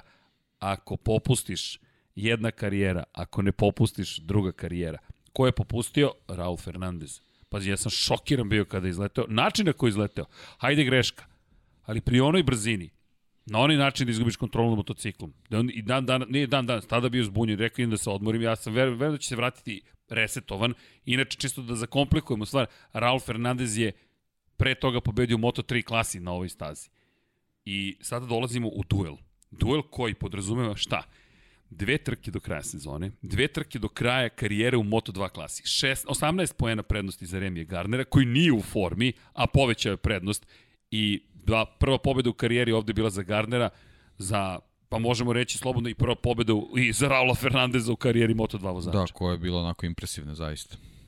I ta... Generalno obe pobede su bile impresivne. Jesu. S tim što jedino što Remijeva je došla u trenutku kad se neka druga borba vodila, vodila negde, negde De... malo dalje, pa je pa jednostavno nije, nije imao takav pritisak, a Raul je sa svojom pobedom u stvari pokazao svoju prirodu kao, kao vozača praktično. Tu smo u stvari videli šta, šta nas čeka u, u njegovoj daljoj karijeri. Tako da ja ono ako ako neku trku čekam to je to su to su Moto dvojke. Ja moram ti priznati više nego Moto trojke. Zaista iako i tu ima zanimljiva priča, ali doći ćemo ta fenomen kako je simboličan Portimao, koliko opet stvari, ali to je lepota Motor Grand Prix, zaista je romantično jedno takmičenje, bez obzira što su to najopasniji, verovatno, ne, verovatno najopasnija disciplina, to je toliko romantike, toliko lepih priča da, da je fascinantno. I ima ovde još priča, pazi sad ovo, pobedio je u Portugalu na početku sezone Fernandez. Treći je bio 9 poena manje, dakle osvojio Remy Gardner, a vodi sa 18 pojena prednosti. Ako bude treći dva puta, dva puta pobedi Raul Fernandez, sezona se završava istim brojem poena, ali to znači sa ovih 7 pobjeda koje već ima, 9 pobjeda će ove godine imati Raul Fernandez, 4 pobjede za Remija Gardnera, titula će otići u ruke Remija Gardnera bitka ne da nije završena, nego mislim da je pad Raula Fernandeza zapravo ostavio borbu za titulu otvorenom, jer da je pobedio na prethodnoj trci. To je to. To je kraj. On vodi u šampionatu sveta, beleži još jednu četvrtu pobedu za redom, ko će da ga zaustavi? Sada možda je sebe zaustavio. Pazi, neverovatna priča. Jedva čekam, jedva čekam da vidim ekipu Aki Aja. Kako ti, ja, ja želim da ga intervjuišem, da ga pitam Aki, kako? Kako ti sada podeliš svoj mozak i kažeš levo-desno. I ono što mi je zanimljivo, pa i Pete Byrer, to je budućnost KTM-a potencijalna. Njih dvojica dolaze zajedno u Tech 3 KTM. U Herezu će ponovo voziti motore. U Mizanu su već imali jednu priliku kratak test da obave. Wow, koliko priča. I ostaju klubski kolege, pazi, da. sledeće godine. Ne, ne, mnogo, mnogo priča i, i to su priče na koje će obojica dodatno da, da sazreju. Mislim, mi sad imamo stvarno dvojicu vrhunskih vozača, ali ovo što će njima da se izdešava, u, nadam se u, ovaj, u, u, u sledeće dve trke, da, da bukvalno do, do, do poslednjeg kruga imamo tu borbu za, za, za šampionsku titulu, kao što smo imali generalno vezano za Portimao po, prošle godine i, i tu bitku koju je, koju je vodio Enea Bastianini. Uh, Ovaj, e, eto, nadam se da, da, da ćemo ovaj, na isti način imati, imati duel njih, njih dvojice i, i eto, pre svega bih volao da obojica završe obe trke u, u bodovima, pa da, da tu neka matematika odluči, a, a, a sami njihovi raniji nastupi u Portimao govori da će ti bodovi biti vezani za, za sam vrh, za sam vrh poredka, tako da apsolutno obojicu gledamo kao kandidate za, za pobedu u Portimao. I to od, od prvog treninga. Ovo sada je Moto da. Grand Prix vožnje. I dvojce su već u Moto Grand Prix. Moj utisak je da oni od prvog treninga se takmiče. To je takmičenje bukvalno svaki krug, svaki trening, svaka situacija biće merena. To je, to je samo moj utisak, ne znam da li da ga deliš, ali ja zaista verujem da tako jedino i može da bude u ovoj situaciji. Pogotovo što misle da će Ralf Fernandez gledati da izvrši pritisak ponovo da će pokušati da nastavi sa svojom taktikom i konačno ni ne sme da odustane sada. Jer ako Remy Gardner pobedi, Pa sad je, je već velika to. bodovna razlika, tako da, da, da Raul M, M što ima kao što se rekao, taktiku de, na koju, prema kojoj mora da nastavi da vrši pritisak, ipak će taj delić pritiska biti na njemu, ali ovaj, problem je što, što takva situacija ne trpi nikakve greške i zaista, ovaj, zaista ćemo tu videti pre svega od kakvog je kova Raul, a onda i da vidimo da li, da li i Remi može da se izdigne iz, o, iz ove trenutne krize koje, koje je definitivna i već, već dugo vremena ga pritiska. Predugo traje. Mislim, mora i to da se u nekom trenutku prekine, ali sad ćemo da vidimo da li je to da li je to baš ta za koja mu odgovara ovaj, kad se setimo pre svega njegove prve pobjede u karijeri, da vidimo da li, da li je to taj faktor koji će njemu pomoći da, da, da, da dobije malo na samopouzdanju. To, je bila impresivna trka. Jedan od komentara na kraju te trke je bio da nisu, niko nije mogao da razume. Ka, Sam Lowe, ja mislim da je rekao, ne razumem kako je postigao ove rezultate koje je postigao. Jednostavno, u tom trenutku u Moto2 trci nije bilo praktično, ne, Luka Marini je rekao da nije, nije mogao da razume kako je to izveo. I ne zaboravite Sam Lowe's koji jurio u, u tom trenutku još uvek titulu i pokušavao da nekako nadigra doći ćemo i da Sema Lowe's Eneo Bastianinija, međutim Remy Gardner u nekom svom filmu i konstantno je vozio oko 1.42.7, ispod 1.43 i Marini rekao, seća se da je, da, da je neko u Park Fermé, ali nije Sam Lowe's, da je Marini rekao i ja ne razumem kako je Remi vozio ove krugove, što samo... Zato i kažem, prilog... pa da, to, to možda može da bude neki, neki moment koji će to učiniti da, da sa više samopouzdanja dođe na ovu trku, pre svega sa misijom da, da konačno prekine tu, tu, tu, tu svoju seriju roš, loših rezultata, jer da se razumemo pre svega je on sam kriv zašto, zašto je o, o, se desilo ovaj, zašto smo u stvari došli u ovakvu situaciju da bude ovoliko napeto u, u, u sezoni u, vezano za, za odlučivanje šampiona u Moto dvojkama. Inače, bit će šampion ukoliko pobedi, a Raul Fernandez bude, na primjer, na trećoj poziciji. To onda, Tre, treći loši, da. Tako, treći da. loši. Da. Dakle, to je 27 ili više pojena za ostatka, 25 možete osvojiti po jednoj trci. Zatim, ukoliko je na poziciji 2, a Fernandez je peti ili niže, treći a Fernandez je osmi ili niže i sad četvrti, 11. peti, 13. šesti, 14. sedmi, 15. i ukoliko Raul Fernandez ne osvoji poene, dovoljno je osmi da bude u Portimao i Remy Gardner postoje šampion sveta. Ni inače Raul Fernandez ne može na ovoj trci da obezbedi titulu šampiona sveta, tako da ukoliko Fernandez ikakvu šansu traži, mora da je traži bukvalno u Valenciji. Tako je. To je sada je. i potom u da, Valenciji. Da. On, on je u situaciji da, da se taktika zasniva na dve trke. To je jednostavno ovaj, uvek nezgodnija situacija, ali, ali generalno eto, Kakve taj, trke? Taj, taj pad u Mizanu neobjašnjiv i ga je doveo u ovu situaciju i sve što uradio do tog trenutka je praktično prokuckao. I to, ali tri pobede imaš za redom. Sve ti je u rukama, ti vodniš, tvoj rival je na kolenima, bukvalno je oboren, to je to, on će sedmi završiti, osmi ako ti prolaziš kroz prvi, kroz cilj, i ti izlećeš sa staze. Meni ona, ona dezintegracija Kaleksa je bila fra, fra, frapantna zapravo, jer on je izgubio kontrolu u takvom trenutku da on čak nije, nije ni stigao da koči. Pomislili smo da je problem s motorom možda, da, da li nije, da, videlo se da ide nešto šire, ali ka ne, pričali smo o tome takođe da. široko i rekao, ne, prosto ne znam šta se desilo. Šta god da se desilo u najgore mogućem trenutku. Pogotovo što je na prethodnoj trci pao, Remy Gardner, vratio ti 25 poena, uspeo si da se, da se nađeš u situaciji da vodiš već u šampionatu i taj psihološki test, da se ne ponavljam, da, da sad ne kažem ponovo sve isto što si već rekao, ali samo wow, jedva čekam da počne, moram ti priznati da čekam da počne, a u celo, ceo miks moramo da ubacimo Sema Lousa koja to zabeleže pobedu, pa kad pričamo o krugovima i vraćanju na neke mesta, ovde je počeo njegov sunovrat ove sezone. Dve pobede u prve dve trke. Da, finiš prošle sezone. sezone i ova sezona do, do Portima pomislili smo smo dobili nekog Sema Lousa potpuno drugačiji. Šampionskog. Da. Ja sam na početku sezone tipovao na njega ili na Augusta Fernandeza. To, to, to je o, jednostavno ta ekipa je ovaj, meni delovala kao šampionska, međutim eto taj početak sezone je, je pokazao drugačiji, osim naravno tog, tog starta koji je bio, bio furiozan, ali od Portimaa, što se tiče Sema, jednostavno sve, sve je krenulo ne, nekim nekom starom stramputicom i ovaj eto iza njega je prilika kao i za Jorge Martina da da prebriše sa, ta loša sećanja iz Portima nekim svojim dobrim izdanjem.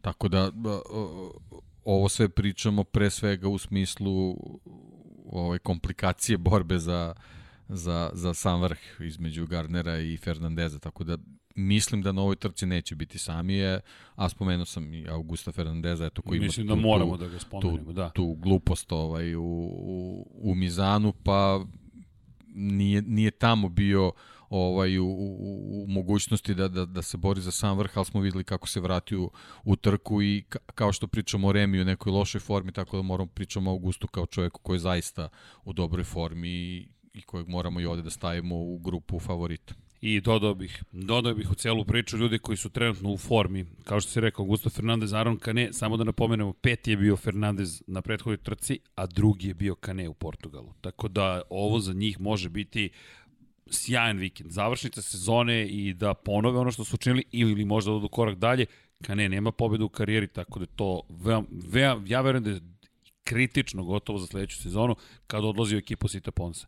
Da zabeleži pobedu da završi sa time, da ne razmišlja, to stalno ponavljamo, ali to jeste toliko važno. Pa tako posebno da u toj kategoriji, jednostavno tamo je jako teško doći do pobede, a ti si tu nekako nadomak i nikako da ti budeš konačno taj koji će da, da stigne do, do nje, ali eto, kad dođeš na neku stazu koja ti možda odgovara, eto, ovaj, dobra je prilika da, da pokušaš da daš sve od sebe. A I- što nam opet odgovara zbog te čitave... Savršeno, pazi tu zabavu. Ovaj, iz čitavog scenarija i raspleta oko, oko šampiona. Pravi ringišpil na roller coaster. Da, da, pa da. Pravi ringišpil. Kroz ovu stazu roller coaster. Pa videli smo To- generalno u, u Moto dvojkama su super borbe. Jesu. Bilo je tu i naslanjanja i trljanja guma o kombinezone.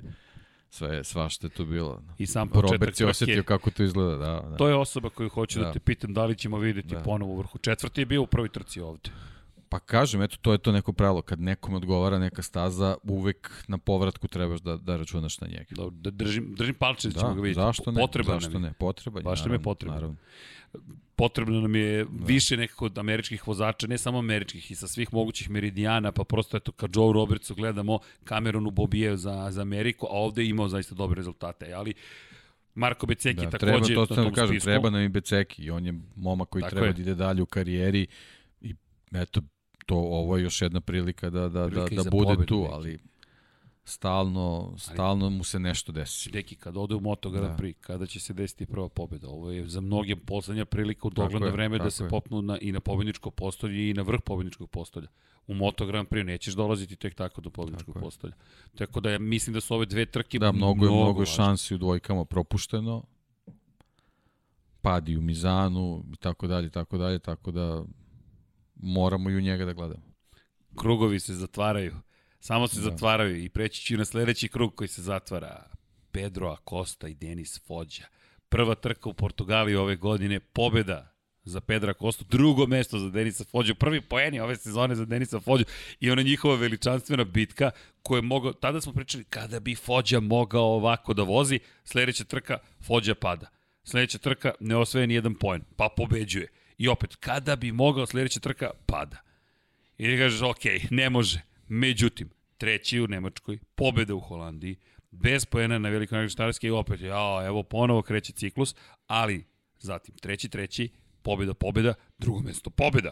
Deki, ovako se osvajaju titule, neću reći lagano, ali ovako postaješ pravi svetski šampion. Jeste i, i čita ova konfiguracija je za Leoparde što se tiče staze sasvim okej i teško je dozvoliti da Kosta sa velikom ovaj bodovnom razlikom dođe u svoju Valenciju. Znači ovo je neka prilika gde ti nešto možeš da dodatno zakuvaš. A što se tiče Koste, tu je jednostavno matematika pobeda završava priču. Da, pobjeda, ako pobedi gotovo je, 21 poen prednosti ima, tako da šta god učinio Fođa, 25 poena ukoliko osvoji Pedro Costa, 20 maksimalno može da osvoji Fođa, to je to. Kraj priče, međutim, to je tek zapravo početak. Ovo, ovo je, meni je ovo fascinantan duel, baš zbog toga što smo imali takav početak, pa stagnaciju, pa, pa iskog, pa pad, pad, pad, a, a uspon s druge strane ovako je išlo i onda bap, vrh za Pa Fođu. da, generalno imali smo o, neočekivano konstantnog Novajliju u vidu Pedra Koste, ono dečka koji je pokazao da je wunderkind, a opet s druge strane nekolicinu vozača koje smo pre sezone tipovali za, za, za ovaj, šampionsku titulu su jednostavno pokazali da su prilično nestabilni tokom, tokom čitave sezone, bili posebno u, u, tom, u tom startu i tu je, tu je Pedro napravio tu neku prednost koju niko nije, nije očekivao da je moguće da, da, da uradi moma koji se, koji se prvi put nalazi u tom društvu, posebno što su tu bili oni neki, neki spektakularni zaista rezultati, a opet s druge strane ovaj, momci poput poput Garcije, Fođe, pa i Masije, Masije jednostavno u, u, gore dole rezultati jednostavno nisu mogli da, da, da im omoguće da mogu da drže ritam sa, sa Kostom. E sad onda, a Kostine neke nesigurnosti i onaj, onaj pad u, u Aragonu koji je onako verovatno najveća greška sezone su dovele do toga da, da, da imamo ovu, eto, zanimljivu borbu, iako su samo dvojica vozača tu, ali mislim da će biti, da će biti jako interesantno. E, ali čisto se sad dopuni cela priča šampionat konstruktora. 13 poena između Honda i KTM-a. KTM predstavlja Kosta, Fođa predstavlja Hondu. Vidi kakva bitka, svogde se jure KTM i Honda. Tu ljudi nema ljubavi. Dakle, KTM Honda, KTM inspirin sa Hondom po pitanju tehničko-tehnoloških rešenja u Moto Grand Prix-u. I to je u Moto Grand Prix-u su rekli, ne, ne, mi smo gledali Hondu, konačno doveli su čoveka iz Honde ne samo Danija Pedrosa, već i Majka Leitnera, Austrijanca, da vodi ceo program KTM-a. Dosta ljudi je stiglo iz Honda, zato i toliko podsjeća po nekim rešenjima KTM na Hondu, ali ima i svoj takozvani DNK. M koristi WP oslanjanje, M konkretno imaju čelični RAM i to je ono što čega neće odustati. Ali V4 izabrana po uzoru pod uglom od 90 stepeni baš na Hondu, tako da i u nižim kategorijama njihov rat odavno traje i 13 pojena ih samo deli, pri čemu u poslednje dve trke Honda je uspela da nadoknadi 12 pojena a 13 pojena ih deli. Tako da je tu otvorena bitka i ono što i moram ti priznati da čekam da vidim jeste upravo i ta bitka. Honda, KTM-ovi vozači jedni protiv drugih i konačno ta situacija između Đalme Masije i Pedra Koste i šta sada za Aja? da. Pa ne znam da li je slučajno ili namerno, ali Masija je pokazao da nije, nije baš spreman da ovaj, Nije zainteresovan. Nije zainteresovan, da, da, da, da pomaže, da pomaže nekom ko se nalazi u situaciju koju on treba da bude. Da, i ko odlazi u Moto2 klasu. Tako je. Sa trogodišnjim ugovorom za KTM, uključujući za tri godine Tako odlazak je. u Moto Grand Prix. Tako je. A to, to je trebalo treba da, bude, da budeš ti. Tako je, to je moj ugovor. Čekaj, to je da, moj ugovor. Da. Ne, nije, to je nečin tuđi ugovor.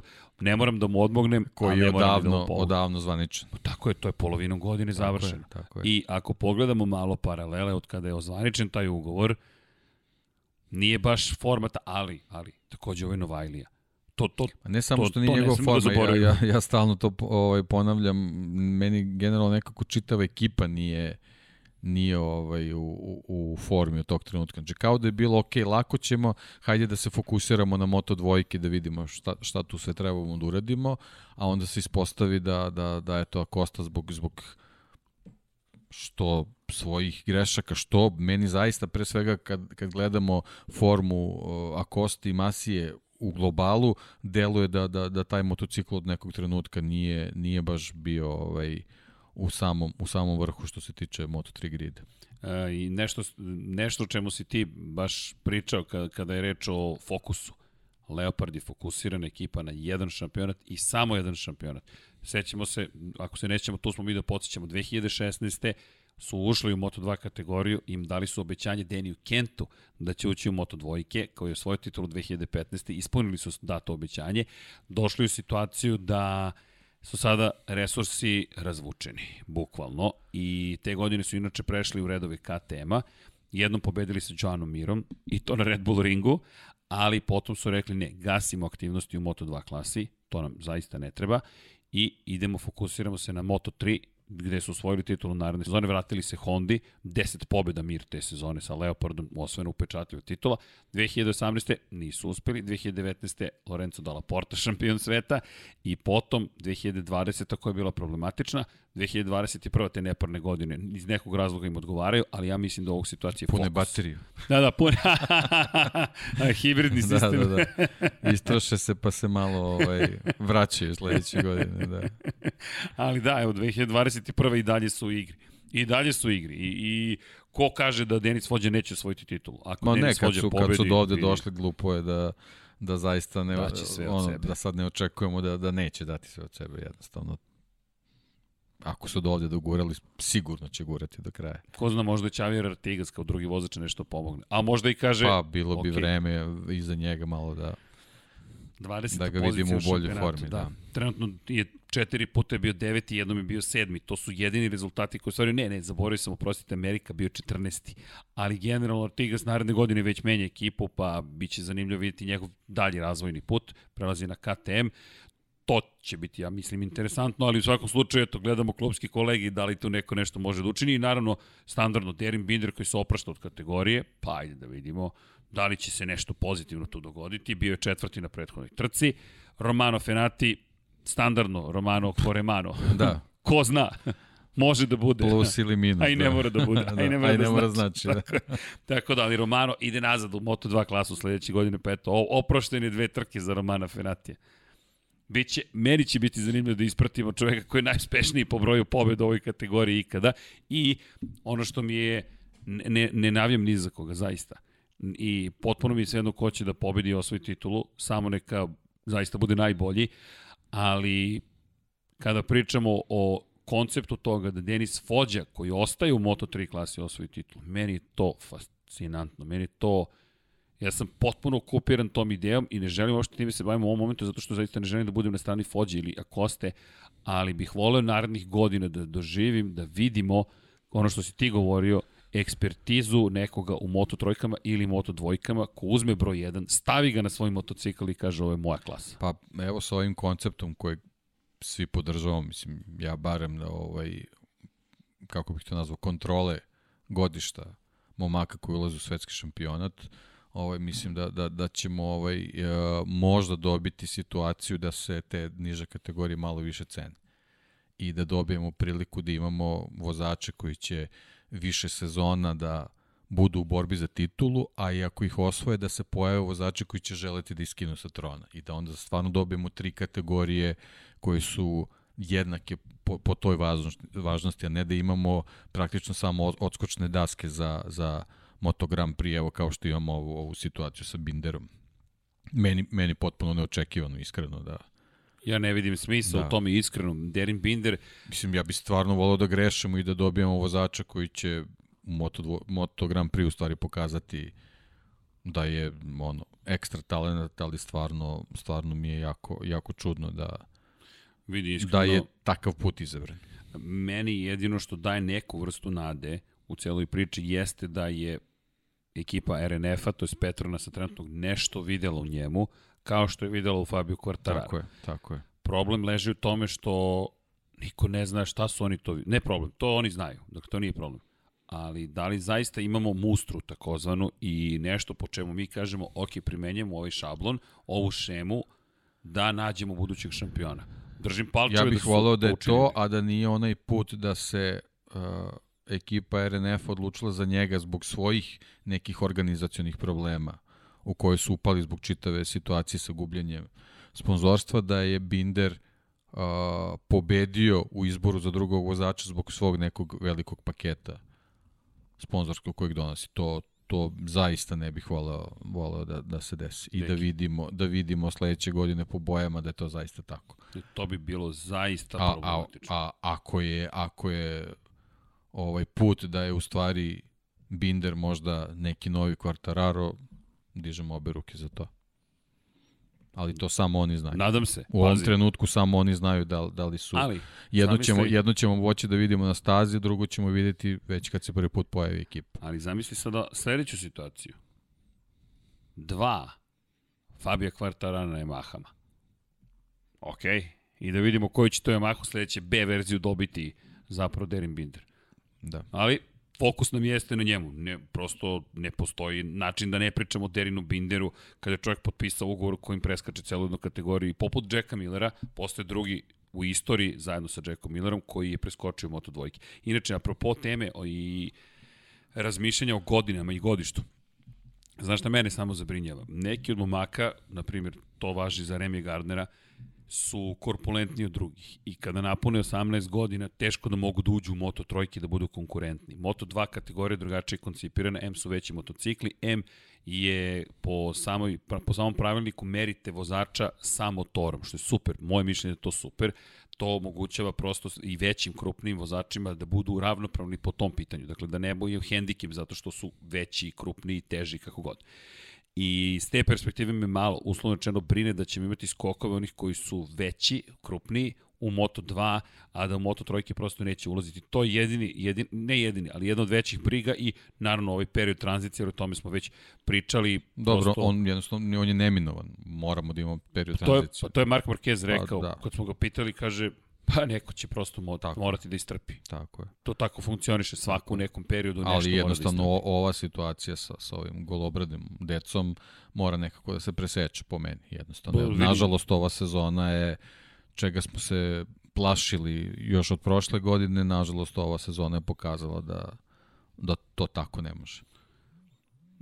Vidi, svi se slažemo. Nešto mora da se menja, ali to je proces. Pa idemo jedno po tako jedno je, tako. i ono Kao što, što je dobro... to proces tog privikavanja na korpulentnije vozače, konstrukciju motocikla i tako dalje tako dalje. Izvini, Scott Redding je dosta lobirao svoje vremeno da se promeni pravilnik i da se meri zapravo vozač zajedno s motociklom, pošto je Scott Redding u duelu bio protiv Pola Espargara kada su se borili za titulu šampiona sveta Moto2 klase 2013. I neki put kada ste teže imate prednosti na kočenju, na primjer, ali na dodavanju gasa svakako nemate prednosti. I drugo što je balans, balans motora takođe može da se lepo iskoristi kada ste, hajde, kada ste lakši. Nije, ne gubite toliko time što je uvedeno pravilo da se zapravo meri i vozač i motocikl. Možete da se igrate sa balastom, jednostavno možete da drugačije podesite i motocikl, a drugi vozači mogu da budu ravnopravni u toj bici. Tako da meni se dopada to pravilo. Za Moto Grand Prix, ok, to su prototipovi, to je malo drugačije, ali činjenica je da je to jedno pravilo koje pomaže. Sad vidit ćemo u Moto trojkama da li će se nešto menjati, ali korak po pa, korak. Što se tiče generalno tog tranzicionog perioda, posebno vezano za Moto trojke, u stvari vezano za momke koji se budu u budućnosti reglutovali za ulazak u Motor Team, meni će jako o, o, zanimljivo biti da ispratimo kako će se niže kategorije formirati i, i kako ćemo tu moći da imamo selekciju vozača koje ćemo kasnije birati za, za ulazak u Moto3. To je ono što, što, što može da bude interesantno. Pratimo. Još dve trke, pa počinje nova sezona, tranzicijona sezona, meni će sada znači, biti... Znači, bukvalno ćemo morati da pratimo sve te uh, niže šampionate, da u stvari vidimo kako će da, da se formira čitava priča, koja će praktično važiti od, od 23. godine. I Dorna i Međunarodna motociklička federacija takođe moraju kako da povedu računa da tamo ne bude do, da tamo ne dođe do toga da su se nesreće zapravo samo preselile na Tako manje praćene upravo šampionate. To, upravo to. To ne sme da se manje, dogodi. Manje praćeni šampionati su uh, sad da ne zvučim grubo, ali malo i loši organizovani. Tako da Jesu. da ima tu I deki, više faktora. Još jedna strašna stvar, ali nažalost mi u toj situaciji kada neko izgubi život u manje praćenom šampionatu, nema takvog skandalizovanja javnosti. Javnost da. to jedva da primeti. To je tužno, ali to je tako.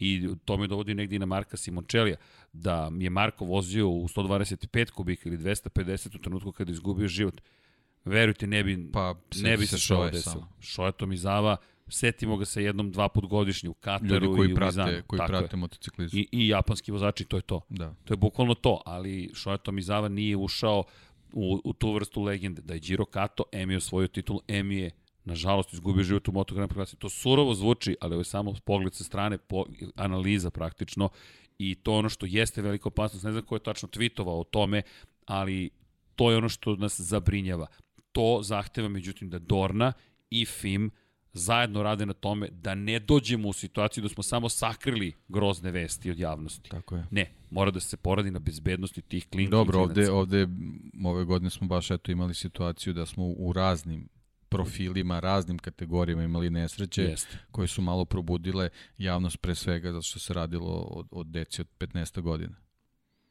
To je to je to su to tragedije prevelike to su to su prevelike to tragedije da se tako da to je to je nešto što je pokrenulo čitavu priču sad kažem moramo da pratimo sledeću sezonu da vidimo kako će se tu sve ovaj postaviti i kako će se svi šampionati u stvari pripremiti za za taj tranzicioni period.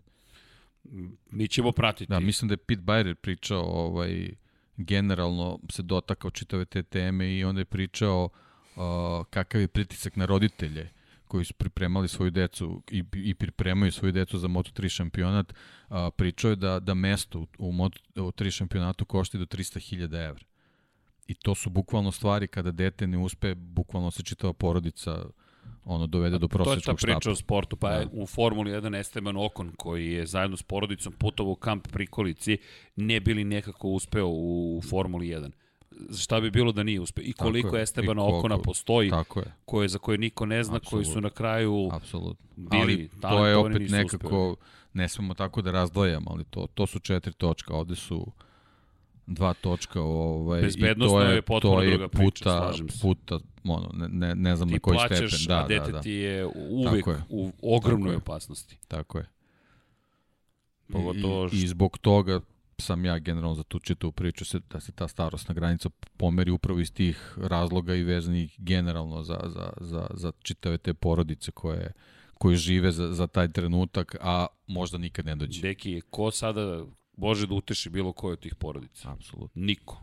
Apsolutno niko od nas. Možemo da lepimo broj 50 za Jasona Dupaskija, možemo da pričamo o malom Vinjalesu, možemo da pričamo o kome god želimo o Milanu da pričamo. Malom, da. Milanu, tako da. je ali to njih to porodici neće previše pomoći hajde da Marko Simoncelli i njegov otac su promenili sport. Paolo Simoncelli se potrudio da Marko bude zapamćen. Da ne dođemo u situaciju u kojoj je to samo još jedna statistička crta i poginuo je neki mega talentovani i mega popularni momak i to je to. Ne. Paolo Simoncelli je radio sve i radi na danas što može da dođe u situaciju da kaže ok, ta smrt neće biti uzaludna I da, i sebi pomaže da preživi, ali sve to što se desilo ima neko nasledđe. Postoji ozbiljno nasledđe i nije samo na nivou toga, pamtimo Marka, on je kulturološki fenomen u Mizanu, trgovi, kružni tokovi, zastave, restorani, muzeji, mnogo toga podsjeća na Marka Simončelija, ali takođe se mnogo pričalo i o bezbednosti, o tome kako izgleda sport, konačno i Casey Stoner koji je u velikoj meri otišao u penziju zahvaljujući tome. Jednostavno rekao, ja ne želim da učestvujem u ovom cirkusu. Mi nismo ljudi koji treba da ginu da bi nekog zabavili. Tako da sve to mora da ima neke, neke posledice pozitivne, to ono čemu pričamo, ovo je korak. Krenuli smo, ali treba voditi računa o, o nižim kategorijama. I kada pričamo o nižim kategorijama, samo podsjećamo da tamo još nije odlučena titula šampiona sveta u juniorskoj konkurenciji, iako smo Daniela Olgada videli, iako smo dobili priliku da gledamo i Davida Munjoza, generalno mi dobijamo tu jednu novu generaciju, ona će proći taj period tranzicije. Mislim da će biti mnogo ugovora, to sam hteo malo pre da kažem.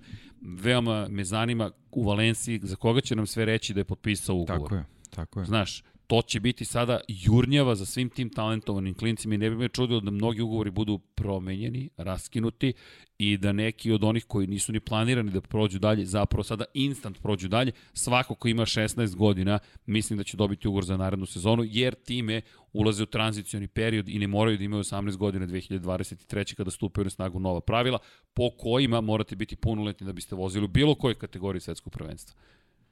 Tako da je ovo sad onako COVID, jednostavno imamo, nekako nije čak ni COVID, baš je kazan jedan u kojem se svašta kuva, tako da će Valencija, ovo je Portugal koji je uvod zapravo doneti mnogo toga, ali kažem, ovih 10 dana i pa kraj. Pa da, ali eto, eto nekako Dorni i Moto Grand Prix su se izdešavale te, te neke situacije vezane za, za tu tranziciju, znači taj odlazak Valentina Rossi je neka, neka potpuno nova priča o sledeće godine i generalno ta tranzicija je vezana za dolazak mladih zvezda u, u, u šampiona, tako da vidjet ćemo kako će pre svega Dorna da, da ishendluje čitavu priču i da li će moći da, da, da nastavi na ovaj način kako to do sad sve funkcionisalo. Pratite. I Lab 76 i Sport klub i budite tu. sportsmagazin.rs, nadam se da posećujete, ako ne posećujete, trebalo bi da ga posećujete. I još jedna bitna napomena, a to je da je odluka za, o šampionu zakazana za 21. novembar. Tako da posle sezone Moto Grand Prix ćemo imati o čemu da pričamo kada je reč o CV Repsol šampionatu. Ali verujemo u Valenciji da ćemo ponovo vidjeti veliki broj wildcard vozača. I kada već spominjemo i wildcard vozače i Valenciju i ono što nas čeka, gleda me Dom Pavlo čudno, ne brinite, glas će se vratiti do petka, imam, da, to. Hidrirajte se, živeli. Što je najbolje od svega, stvarno je voda u pitanju. Tako da je prava hidratacija, ali to je, to je sasvim u redu. I jedno čekam isto i Emiliju, ne, pa oprostite, Algarve čekam i čekam naravno da odem u Valenciju, a sufliraš mi, Brembo. Nešto je najlepše u mikrofonima ovim dinamičkim. Tačno se čuje to Brembo. I onda samo prođe u slušalici, samim tim prošli do publike. Nismo zaboravili Brembo, a i da jesmo, pravit ćemo se da nismo. I tu je Deki zajedno sa Dom Pablom, pa da vidimo pre nego što pređemo i na pitanje i odgovore. Pazi, efikasni smo večeras, ja bih rekao, da, da vidimo kako izgleda staza iz perspektive kočenja i kočenih sistema. Pa Dom Pablo, da bacimo pogled šta je to Brembo Učinio samo polako. Don Pablo.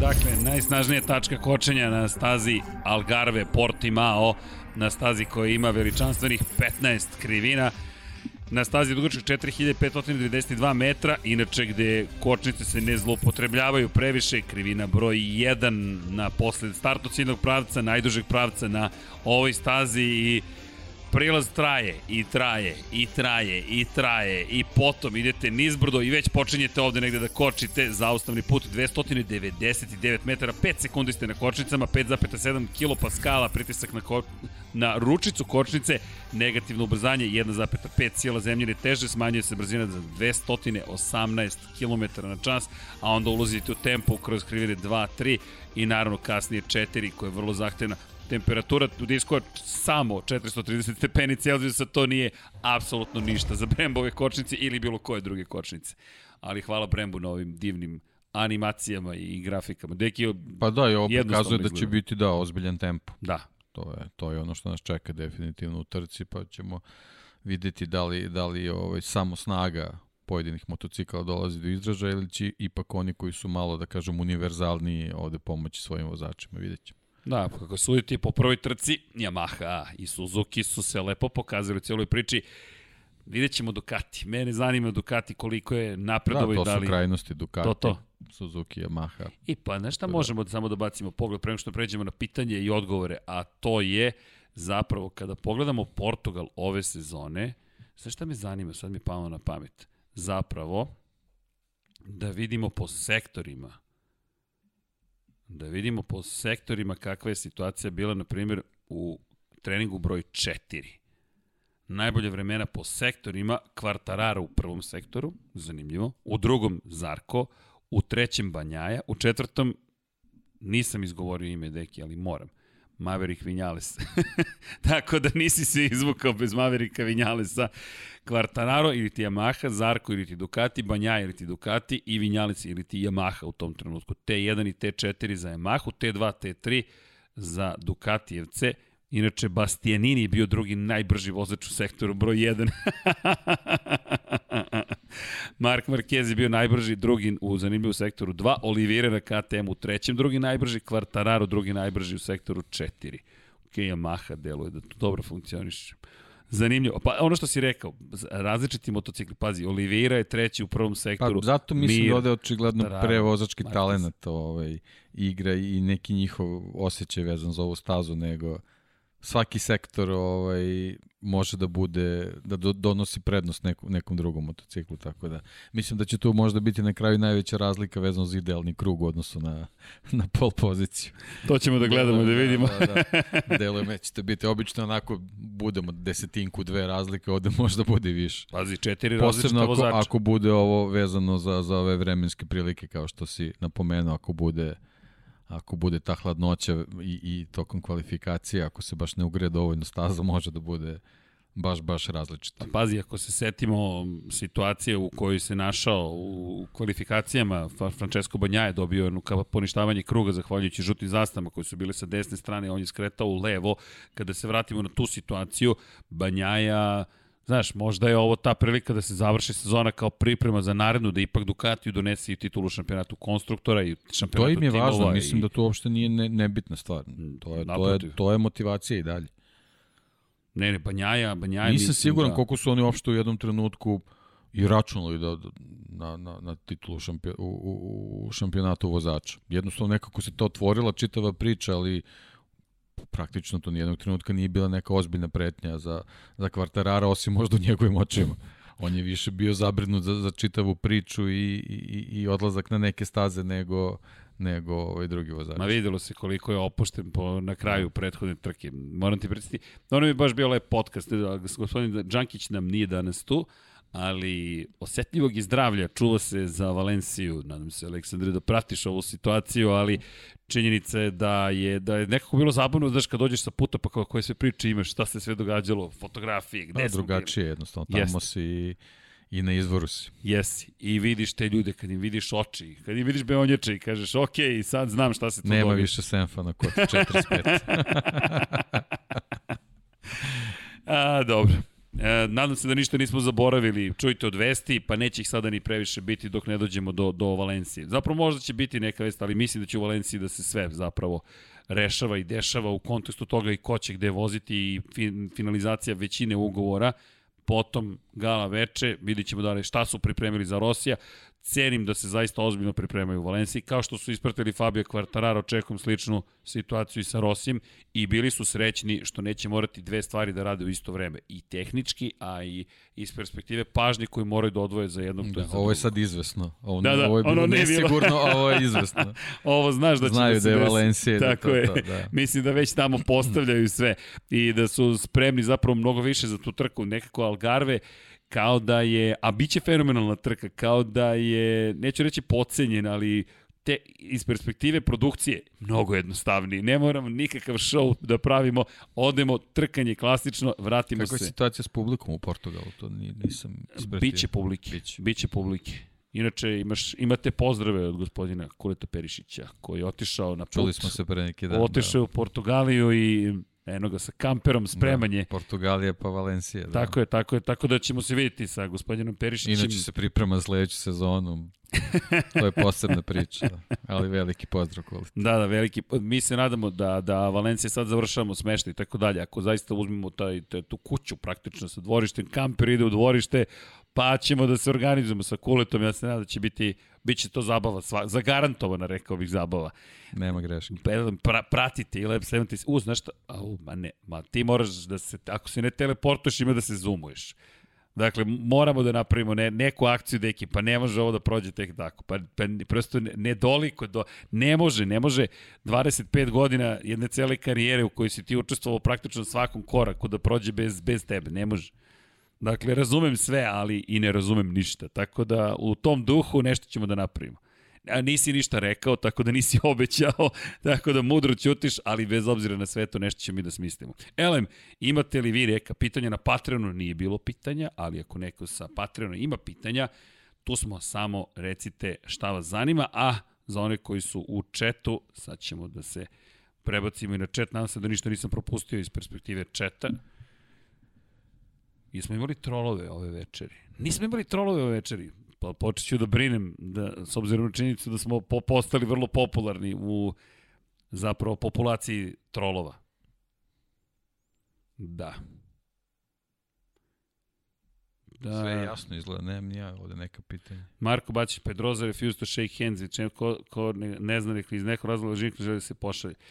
Na Da, inače to da, pa to je Edo Edo što kaže, da, to je snimio Zoran, naš dragi je snimio popularni Cok, ali Cok, nismo, nažalost nismo potpisani i kada je reč o tome, to je snimak koji je ustupljen Dorni pod uslovom da napiše Courtesy of Sport Club i Zoran da bude potpisan, ali nekim čudom potpis je nestao, evo tu sam da vam kažem, tako da Brad Pitt kada je komentarisao zapravo taj, tu scenu u Hitting the Apex, to je scena koju je snimio Cok. Tako da bio sam prisutan, ne sceni, bio sam prisutan kada smo otkrili taj snimak u hotelu, kada je rekao, ali da, na uhu, jednostavno stice okolnosti bila je dosta stara oprema, pa niko nije shvatio da snima, a rukom jeste, evo jedan komentara prekrio crveno svetlo na kameri i to mi je iskustvo, pravo novinarstvo. Sedi naslonjen na zid, ovako drži kameru upalio kameru, prekrio rukom crvenu lampicu i snima ceo događaj i dolazi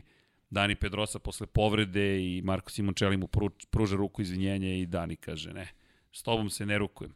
Verujem da postoji jedan moment za koji žali da je to taj trenutak zapravo, jer ne pripisujem to nekoj obesti Danija Pedrose, prosto verujem da nikad nije pomislio da neće moći s Markom Simončelim da razgovara još dugi niz godina, nego u tom trenutku njegova karijera, Pedrosina karijera je pretrpela jedan od najvećih udaraca te godine i mogao da postane šampion.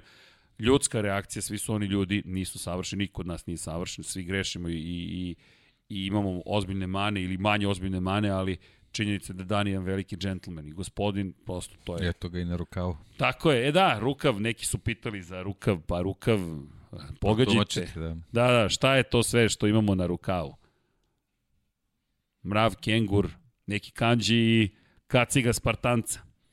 E, kada spominješ, čekaj, hvala deki kako si mi nabacio šlagvort iskusno, udrite like, udrite subscribe, ali posetite i našu prodavnicu. Zašto? Pa da, izašle su specijalne majice posvećene penzionisanju Valentina Rosija. Hvala Vale je naša poruka, ali nije samo hvala Vale. Možete da kupite i tu majicu, izašle Brazil specijal i nemojte zaboraviti za one koji vole književnost, koji vole knjigu dobru, crveno i crno, knjiga o Mihajlu Šumahiru, gospodin Dejan Potkonjak, autor knjige i hvala na tome, deki. Ovo je divna jedna knjiga i kažem, ponosni smo, dosta si potpisivao, vidim da svaki dan potpisuješ, to je Jeste, divno. Sjajno, baš mi je, baš mi je drago. Ali lep je osjećaj, ja verujem da je zaista Hvala lep svima, osjećaj. Stvarno, da. Da, i, eto, i to vam je istovremeno podrška celoj ekipi Infinity Lighthouse-a. Slobodno ako vam se ne sviđa nešto, Nemojte da pišete. ne, ne, javite slobodno, molim vas. ne, naravno, na utisci su nam važni, prosto trudimo se da budemo bolji, da razumemo i kada nešto ne uradimo kako treba ili pogrešimo, ali tu smo u svakom slučaju. E, kako stoje stvari za kacigu? Koju kacigu? To je sada pitanje. Ima ih više. Tu je za Rosijevu kacigu. Pa možemo sada da zapravo smo osmislili metod kako će, ne smijem da spominjem, Don Pablo od, Maho i Glam, nema još da pričaš. Smislili smo kako da, makar verujemo da naj, najprvičnije dodelimo kacigu i da, ne šalimo se, i Rosijeva kaciga, i Lorencova kaciga, i Hamiltonova kaciga, to će... Potpisane su potpisane, sve. da. Jedna, jako bitan moment. Bitan moment, Rossi je potpisao ovo iza mene, i Hamiltonova je tamo na drugom kraju studija, pošto je, ne pričamo o Formula 1, takođe potpisana i iza Dekija malo smo promenili kadar, kao što možete vidjeti, Kaciga Jorgea Lorenza, potpisana na viziru, čak mislim da se vidi u kadru njegov potpis.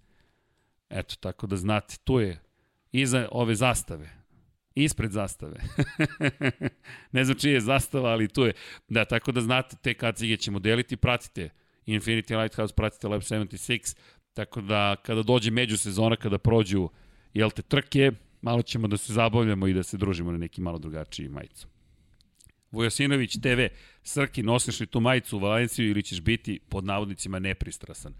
Pa ne znam ni kako da budem pristrasan, šta da, rad, šta, šta da navijam da Rossi osvoji poene. Menjaće majice s Valom. Menjaću majice, nemojte ništa da brinete. Da, inače, kada sam se fotografisao u Valenciji, bio sam u crvenoj majici, pa je pala prozivka, a to je zbog Markeza nosiš crvenu majicu. Pa, Apsolutno, zbog Rosija žuto, zbog Markeza crvenu, zbog McLarena naranđastu, zbog Red Bulla naranđastu, zbog Maxa Verstappena naranđastu, belu zbog Mercedesa, e, šta još nosim, ne znam, plavu zbog Alpine, plavu zbog Finaca, zelenu zbog Meksikanaca, Aston Martina, je li tako?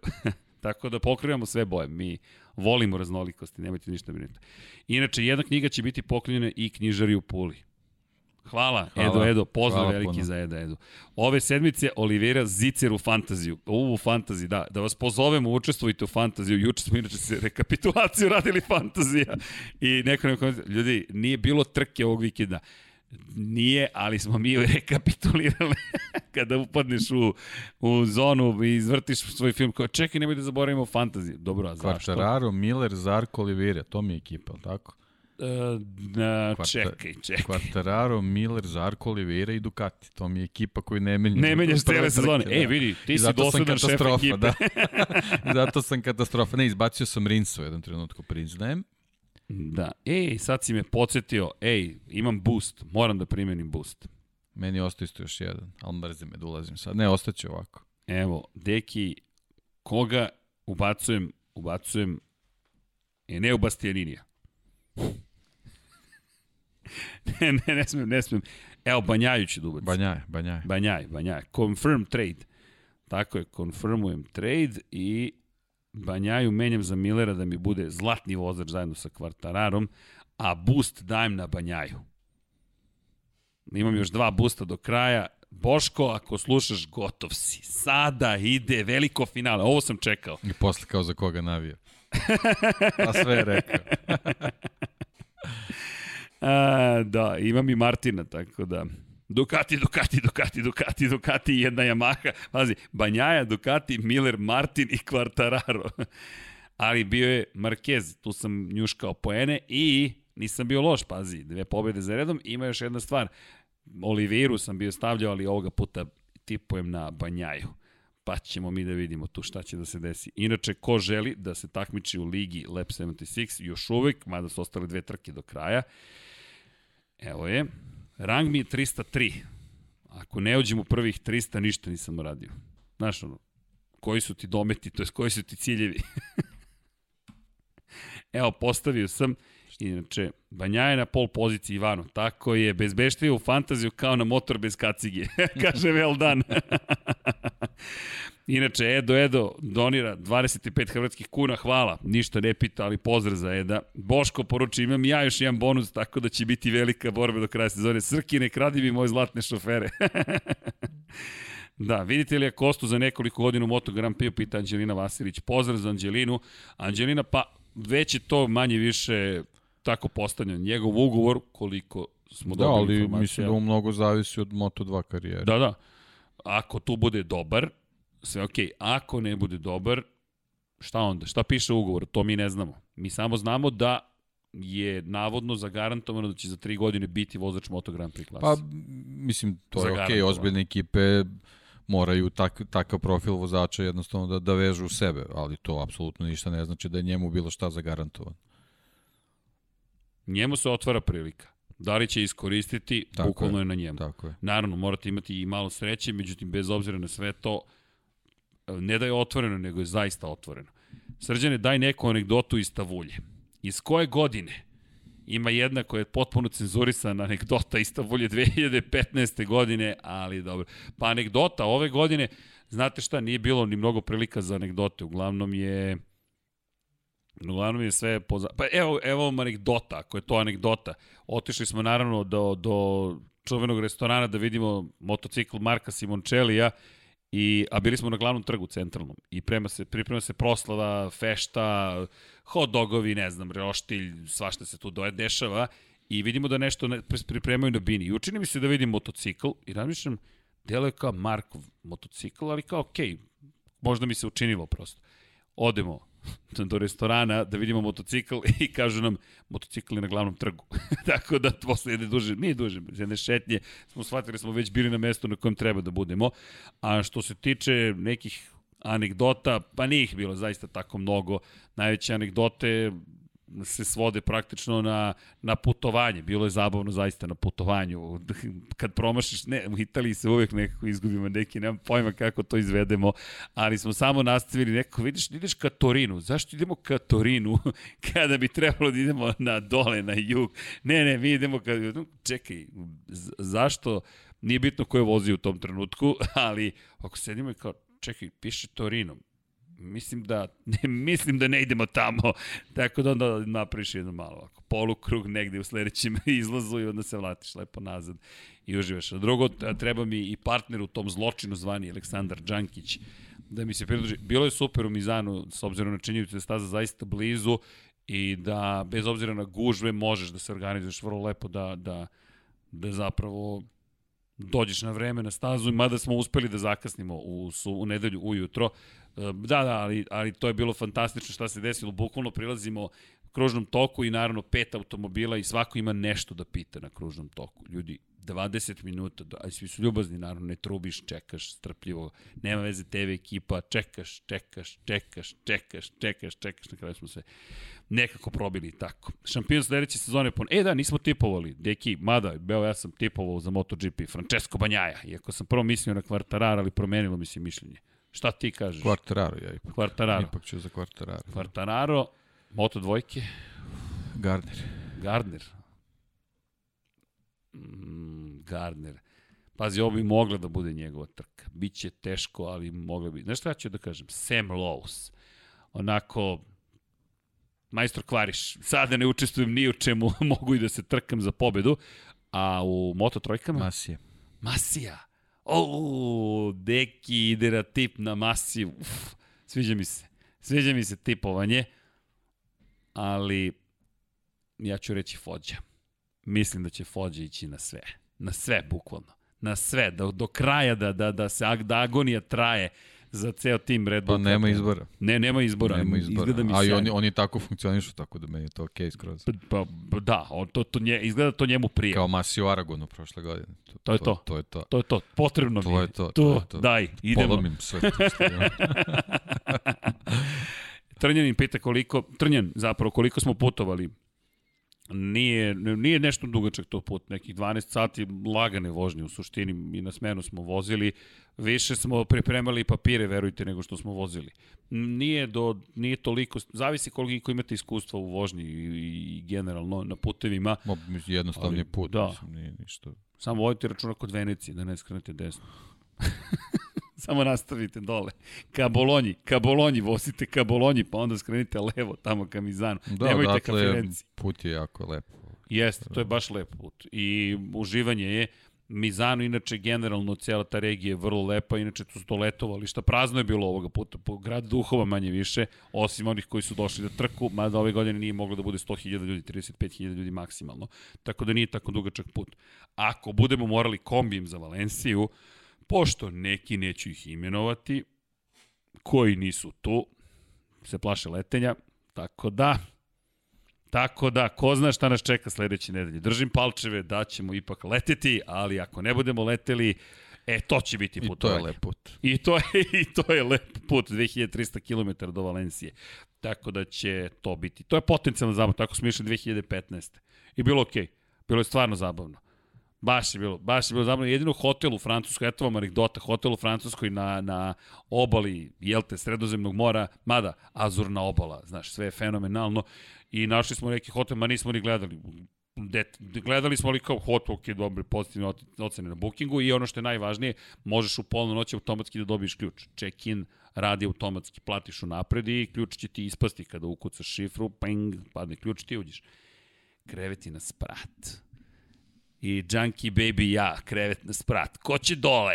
Evo, Junkie, ja ću gore, veruj mi, bezbednije je. Ali bilo da eto, to mi je bila zabava. Klamurozno putovanje Azornom obalom. eto, to je bila zabava i pogubili smo se u Monte Carlo, otišli da snimamo, ne možemo se nađemo.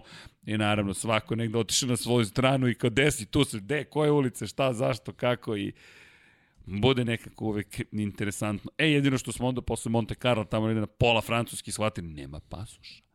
Gde je pasoš? Poslednji put viđen u Monte Carlo. Zamisli, ideš nazad na pa, po, i onda zaustavi kombi, nije moj, nije moj, ne brinite. I onda pre, pretura i ceo kombi i na kraju nađemo kako upo između vrata, praktično dole i sedišta je upao negdje kao, ok, našli smo ga, sve je u redu. Srki, s kim uradi intervju u Valenciji, pobedit će. Dobro, Nikola, za, s kim da uradimo intervju, recite. ako želi, ako imam taj uticaj. Mada, ovo je prvi put pozitivan uticaj da imam. Uglavnom, znaš da neće da mi dalje oproste za Francesca Banjaju i Mizano. Odgovor ne tvrde da to ima veze sa mnom. Imaju čak i snimke kako, šta sam pričao pre nego što je pao. Rodrigo je povređen, Gabriel Rodrigo. Da, Rodriga nažalost ni ne spominjemo u poslednje vreme, jednostavno sticajem okolnosti. Pa on, nažalost, da, da. čovek za kvalifikacije samo. Što se tiče trke, slabo. Pa ide u Moto dvojke naredne godine i samim tim, kada je reč o da. Rodrigu, nova sezona je potpuno nova karijera za njega praktično. Deki Andrić ima pitanje, naš drugar. Pitaj Srkija, hoće li Valentino Rossi da dobije ove žute majice na poklon? Pošto je poklon, morat će da nosi. Kako bih vam rekao, e, držim se politike kuće, a to je, jel kupio? Nije.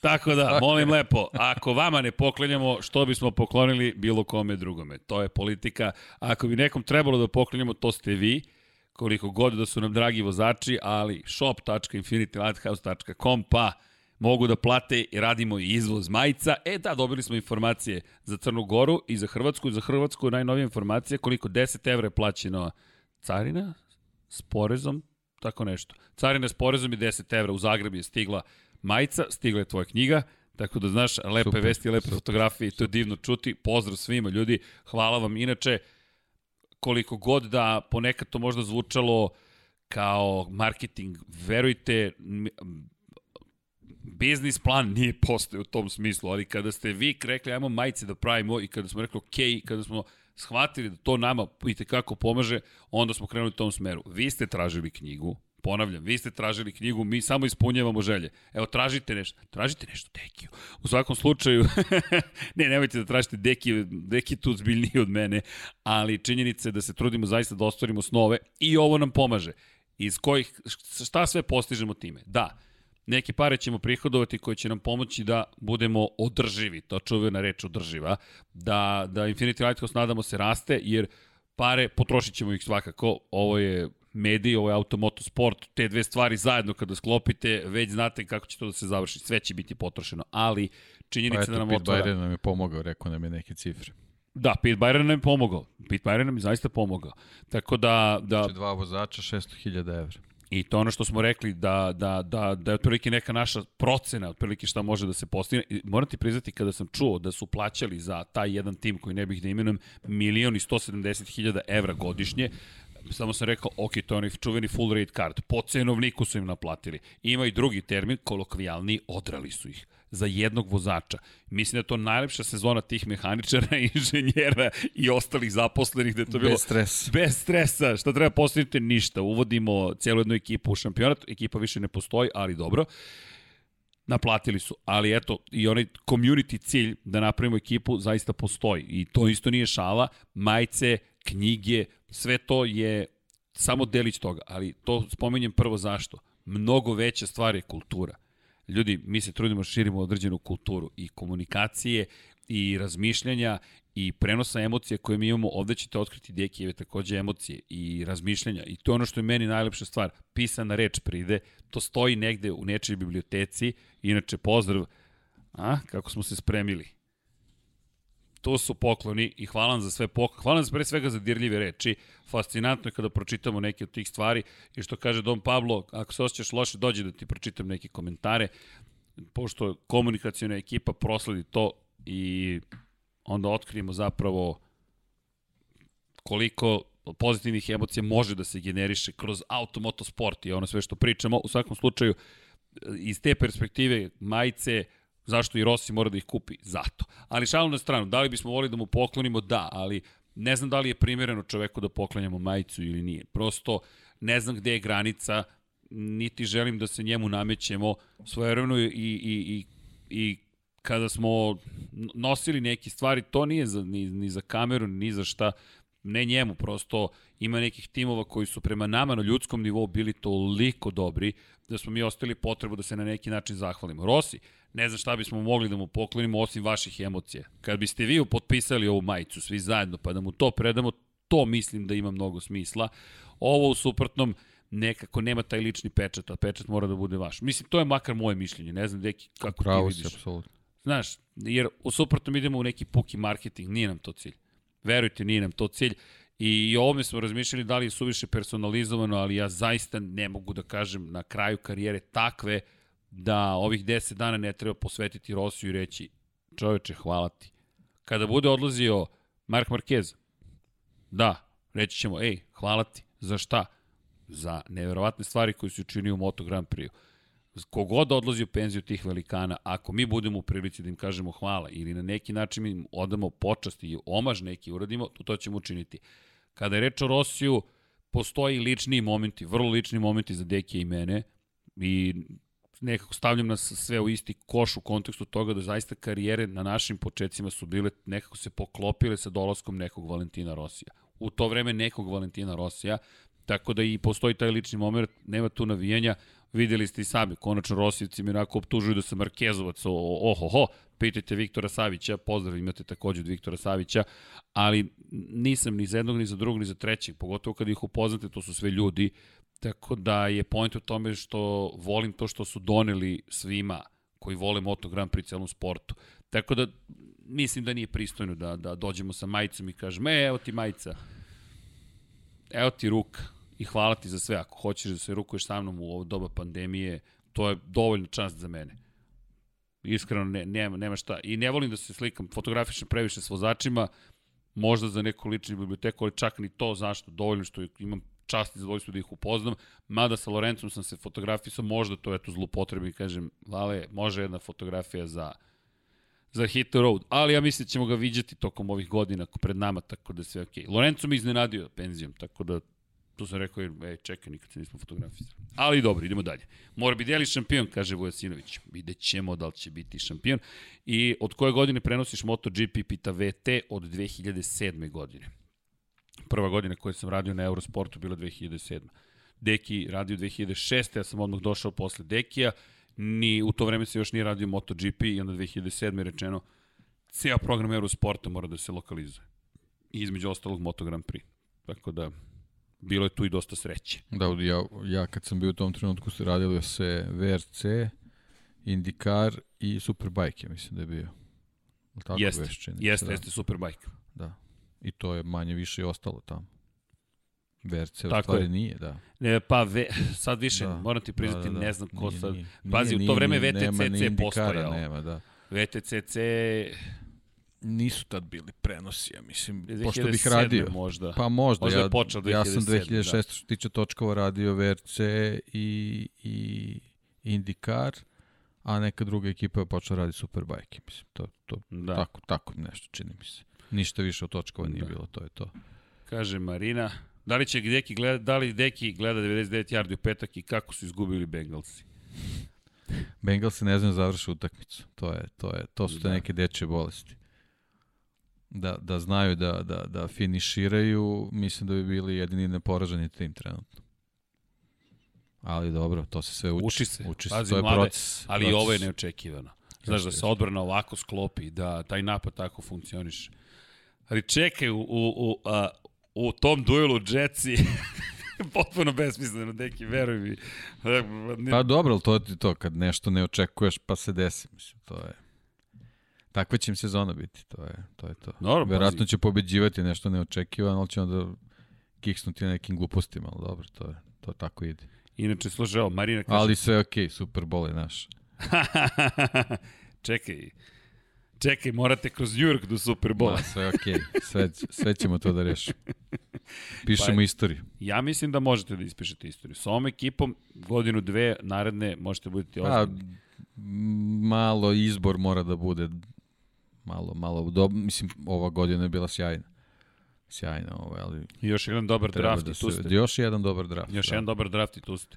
Inače, Marina kaže, nema poklona, Amso Zvekić pokloni Markezu, pa ne, nema, nema, po, nema poklona, ali Vujosinović i Millera ste oborili, jes da je Džanki 5 sekundi pre nego što je pao, pa eto vidite kako to funkcioniše.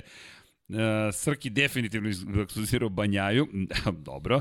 Srki, uradi intervju sa Zarkom da vidimo napokon da, taj salto. Da, imaš pitanje da. da će raditi intervju s Pedrosom u Valenciji, da li je prilika? Pa, ako se ukaže prilika, znate kako, trenutno vrlo slabo daju jedan na jedan intervjue. Uglavnom ima taj takozvani TV pen, to jest imate zatvoreni prostor. Bukvalno je odvojen kontejn, brodski kontejner manje više je preuređen da imate intervju sa po 5-6 vozača u isto vreme i, i ekipa zauzme svoje mesto i kao na pokretnoj traci vozači dolaze i odlaze. Sad, s jedne strane malo dehumanizovano, nema domaćinstava, ali s druge strane je njima lakše iz perspektive vremena. S obzirom na činjenicu da se odvoji vreme od, na primjer, pola sata da vozač dođe da odgovara na sva pitanja i on dođe i od ekipe do ekipe. I to je to. Da. I to je to. E sad, meni, ja ne volim tu masovnu produkciju jer uglavnom upadnu u taj takozvani modus odnosi s javnošću i teže doći do njih. Kada sede u svom domaćinstvu, kada vas prepoznaju, oni su vrlo ljubazni, znaju oni ko ste vi, što kaže Deki, ali on je tu pola sata, on se ubacio u mod, odgovori na pitanja koje ti postave, ako nisu glupa pitanja, super, ako jesu, pa nasmej se i budi profesionalan. Tako da, s jedne strane dolazite do svakog vozača praktično, ali ne možete da napravite intervju. Nije to intervju, to su kratki razgovori. Intervju je kada dobijete vozača na 20 minuta njegovog vremena, sednete, pripremite se i Ako uspete, otvorite sagovornika i dobijete nešto što eventualno do sada nije rečeno ili na taj način nije rečeno. Ali nikad ne treba, često se napravi greška u tom preterivanju da izmislite pitanje koje niko nikad nije postavio. Ne, pitajte ono što zanima vašu publiku. Vi ste medije, vi ste posrednik između vaše publike te osobe tog sporta. Tako da držim palčevi da će biti prilike makar na kratko da vidimo Danija. Bare, barem da ga, barem da, da, da ga eto, pozdravimo, pitamo kako, kako penzija.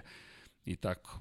Da, evo, jedino da jurim po motokrosu, dobro, Branislav, eh, sad Branislav, nećemo tako, i neka ponese kilogram banana od preduzeća. Pa da, ne želimo prosto da budemo da budemo, znate, Rosiju džemper, eto, da smo ga ispleli, pa ajde da kažemo, to, to smo ručno radili.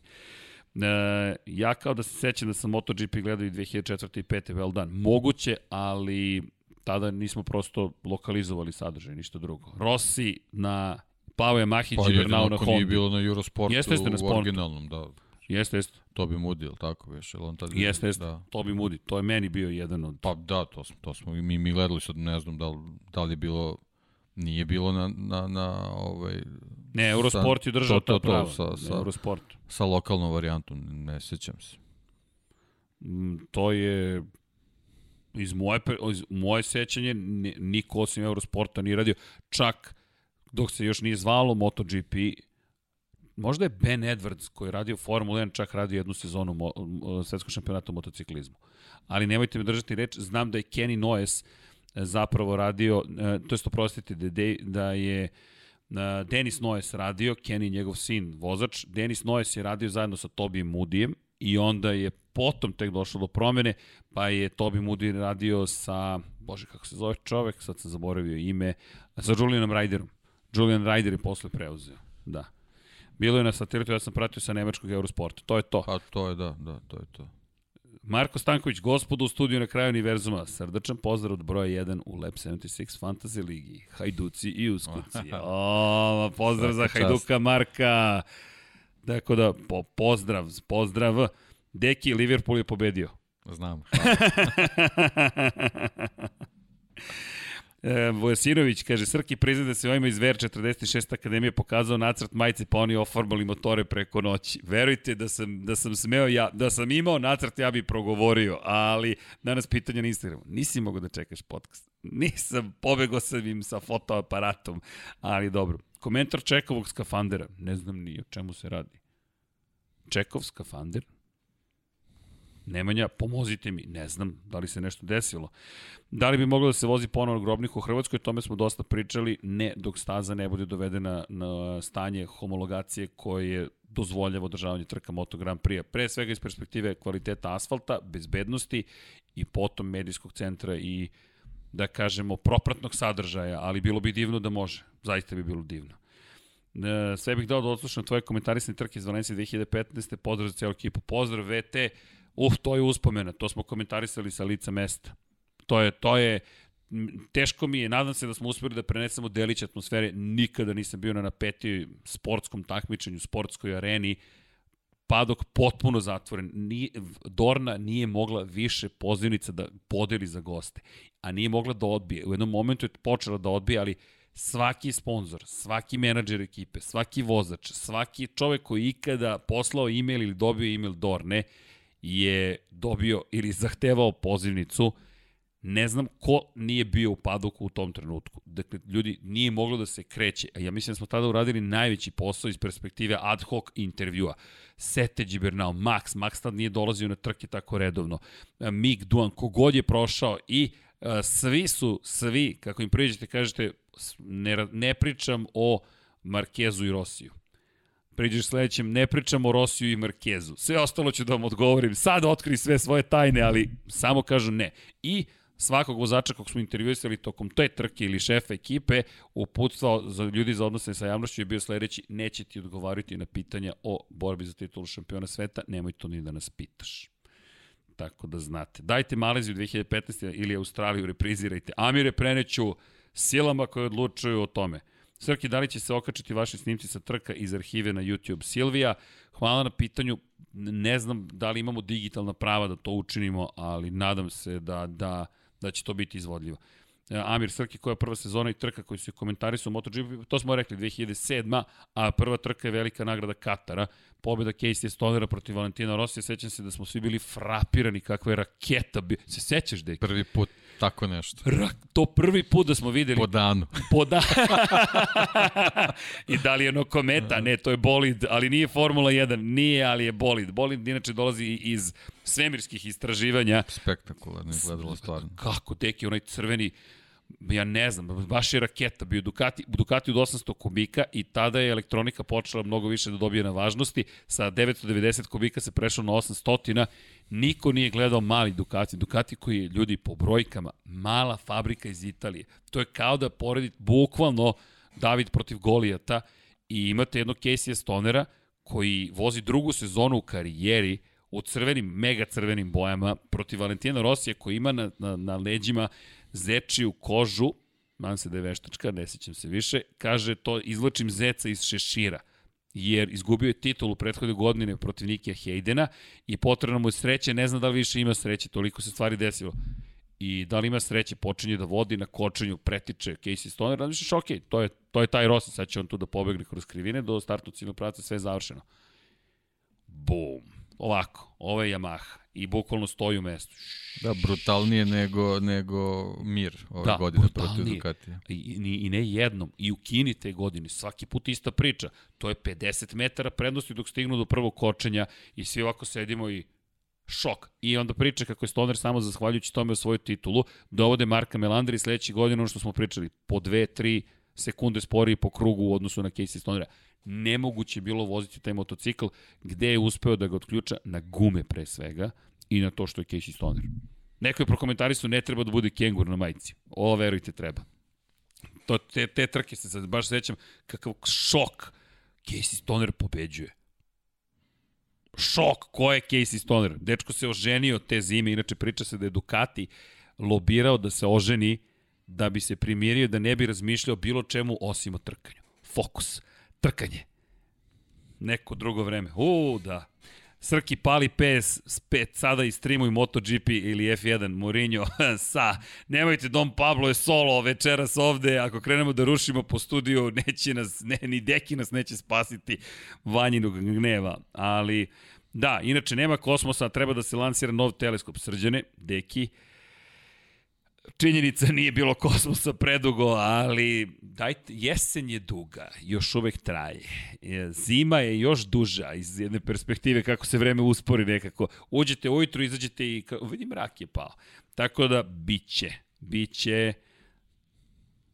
Inače, pitaj Dekija za Meksiko. Spojen vikend NFL MotoGP F1. Meksiko? Mehiko. Mehiko. super što. Vidi, U Kelele Ne znam u kom smislu. Ali... Pa verovatno koje je tvoje mišljenje? Pa, super. Ceo dan sedimo pred televizor.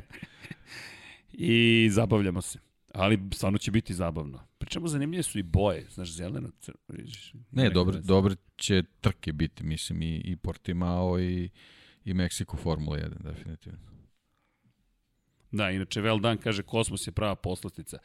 Verujte i nama je, samo prosto malo organizacija bila teža ovih poslednjih par meseci. S moje strane pre svega.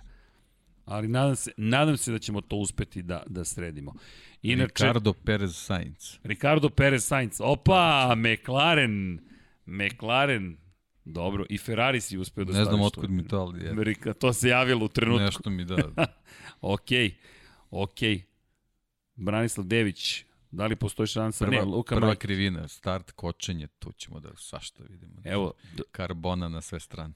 I ti Paja Uf. tipujete na isto. Uf. I ti Paja tipujete na isto. Da će to biti pravi Ima duel. Ima problem Hamilton s tom krivinom nekako, ne, znam, ne znam zašto. Evo čuli ste, pita Lazar Slović, može Dekijeva prognoza za F1? Može. Eto, eto. može, evo je upravo.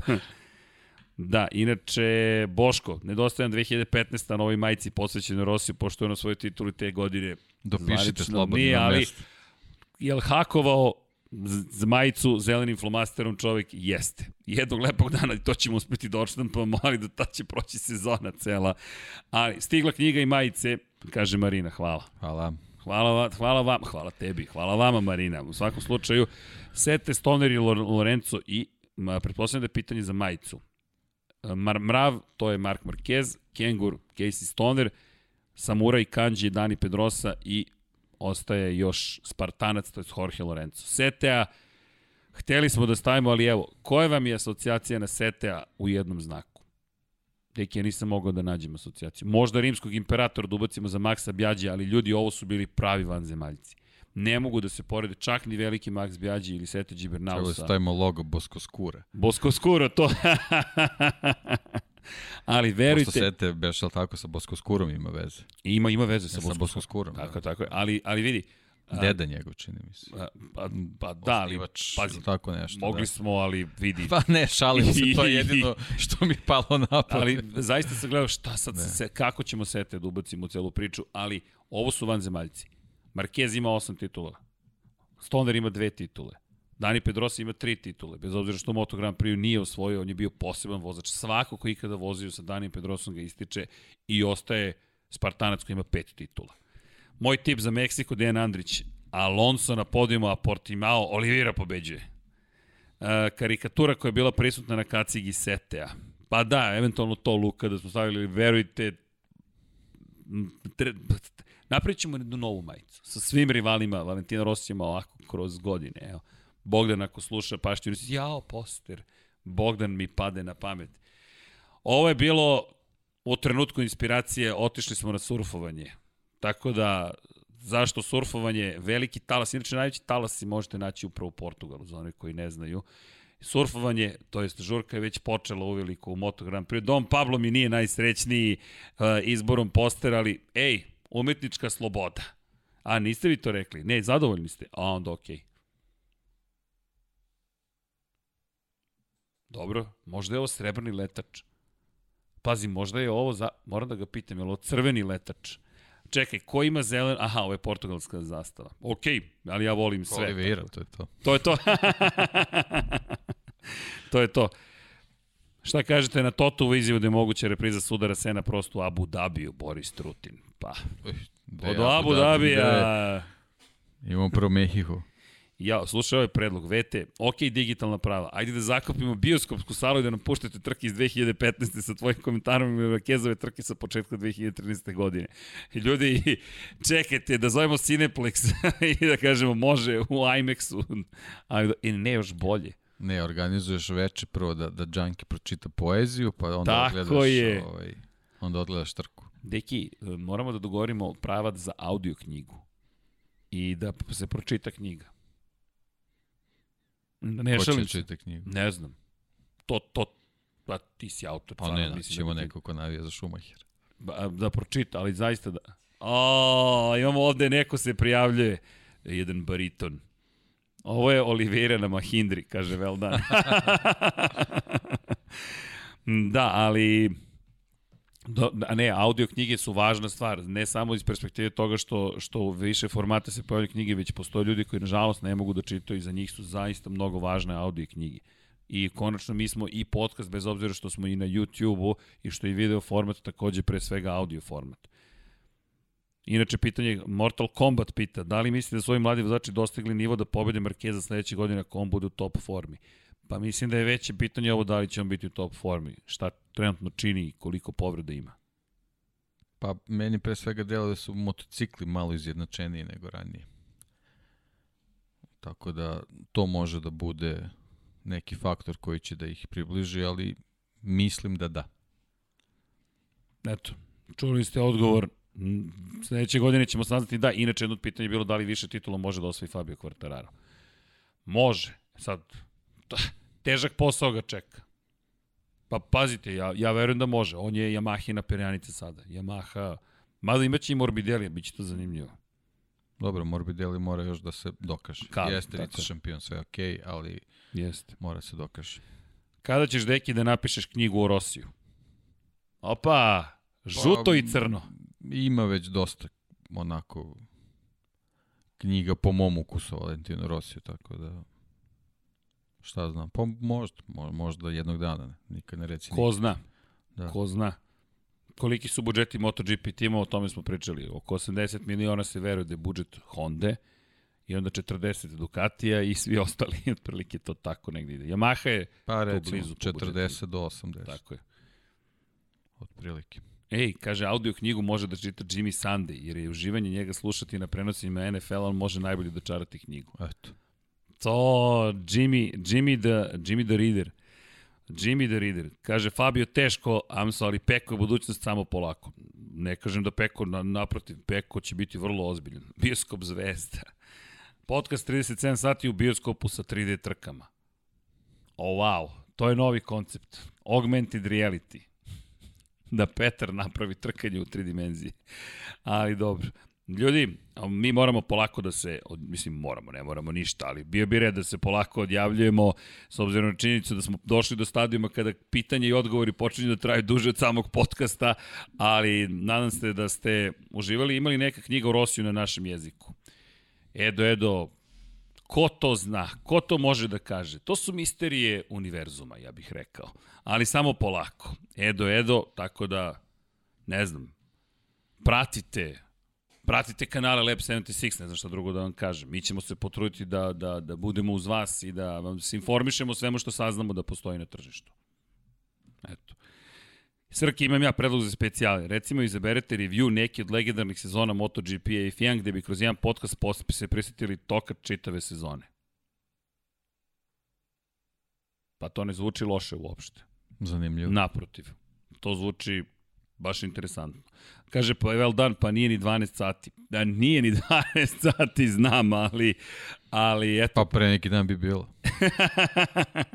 da, ali, ali bismo i počeli kasnije. Ali dobro, dobro, da ne uskačem sa sebi u usta i da, da ne pravim haos. Da li Martinatira, evo da vidite, kao četvrtkovog i pekovog budućeg ljutog rivala? Pa već je krenuo u tim putem, nije tu još stigao. Ali... Pa nije, ali tu je sad zadrška vezana za tih osam Ducatija što ćemo imati sledeće godine. Tu će sad da, da nastane prvo borba da vidimo ko, ko može da ispliva. Peko isplivo i, i, i, i Quartararo isplivo. Ali ovaj, ne može Martin sa, sa ne znam, dva, tri dobra rezultata, iznenađujuće dobra rezultata da odmah tu grupu. Znači sad, sad mora da sledi kod njega neki kontinuitet. Tako da mnogo zavisi od ekipe sa kojom će morati se bori pre svega u tom Ducati kupu. Da, u Ducati kupu. I da vidimo s čime će se boriti u tom Ducati Tako kupu je. ostali njegovi rivali, jer kada Bastianini sedne na najnoviji Ducati, to će biti veliki i test za, i za Bastianinija, ali i za ostale Ducatijevce. Dobro, nadam se da ste uživali. Prevedite Pirana klub, kaže Branislav Dević. Okej, eto, E, imate još neki predlog, sledeća knjiga Dejan Potkonjak i sr, sr, ha, Srđan i Erceg. Bravo. Bravo. E, hvala na tome. Opa, pokušava da zaključi večerašnji podcast e, Dom Pablo uz ovu veselu muziku da vam polako ali sigurno poželimo prijatno veče, laku noći, naravno neće, neće, nema, nemaš dovoljno dugočku muziku Dom Pablo da bismo završili podcast tako brzo, ali, ali možemo da se odjavimo na 60 sekundi od kraja onu drugu muziku da pustimo i onda da završimo podcast uz veselu atmosferu. Samo hoću da kažem nekoliko važnih, u, kaže slušao Branislav Dević, crveno i žuto da se napiše. Srđan Ercik crveno i žuto. Okej. Okay. Za koga navijam? Sa jedne strane, uuu, pazi koncept knjige. S jedne strane crveno, navijač sam Marka Markeza, a kad ogregaš na opačke, navijač sam Valentina Rosija. Joker Poker pa Face. Pa da. U ogledalu. O, hvala Branislave Deviću. U zemlji čuda. U zemlji... B... Opa, crveno i žuto u zemlji čuda.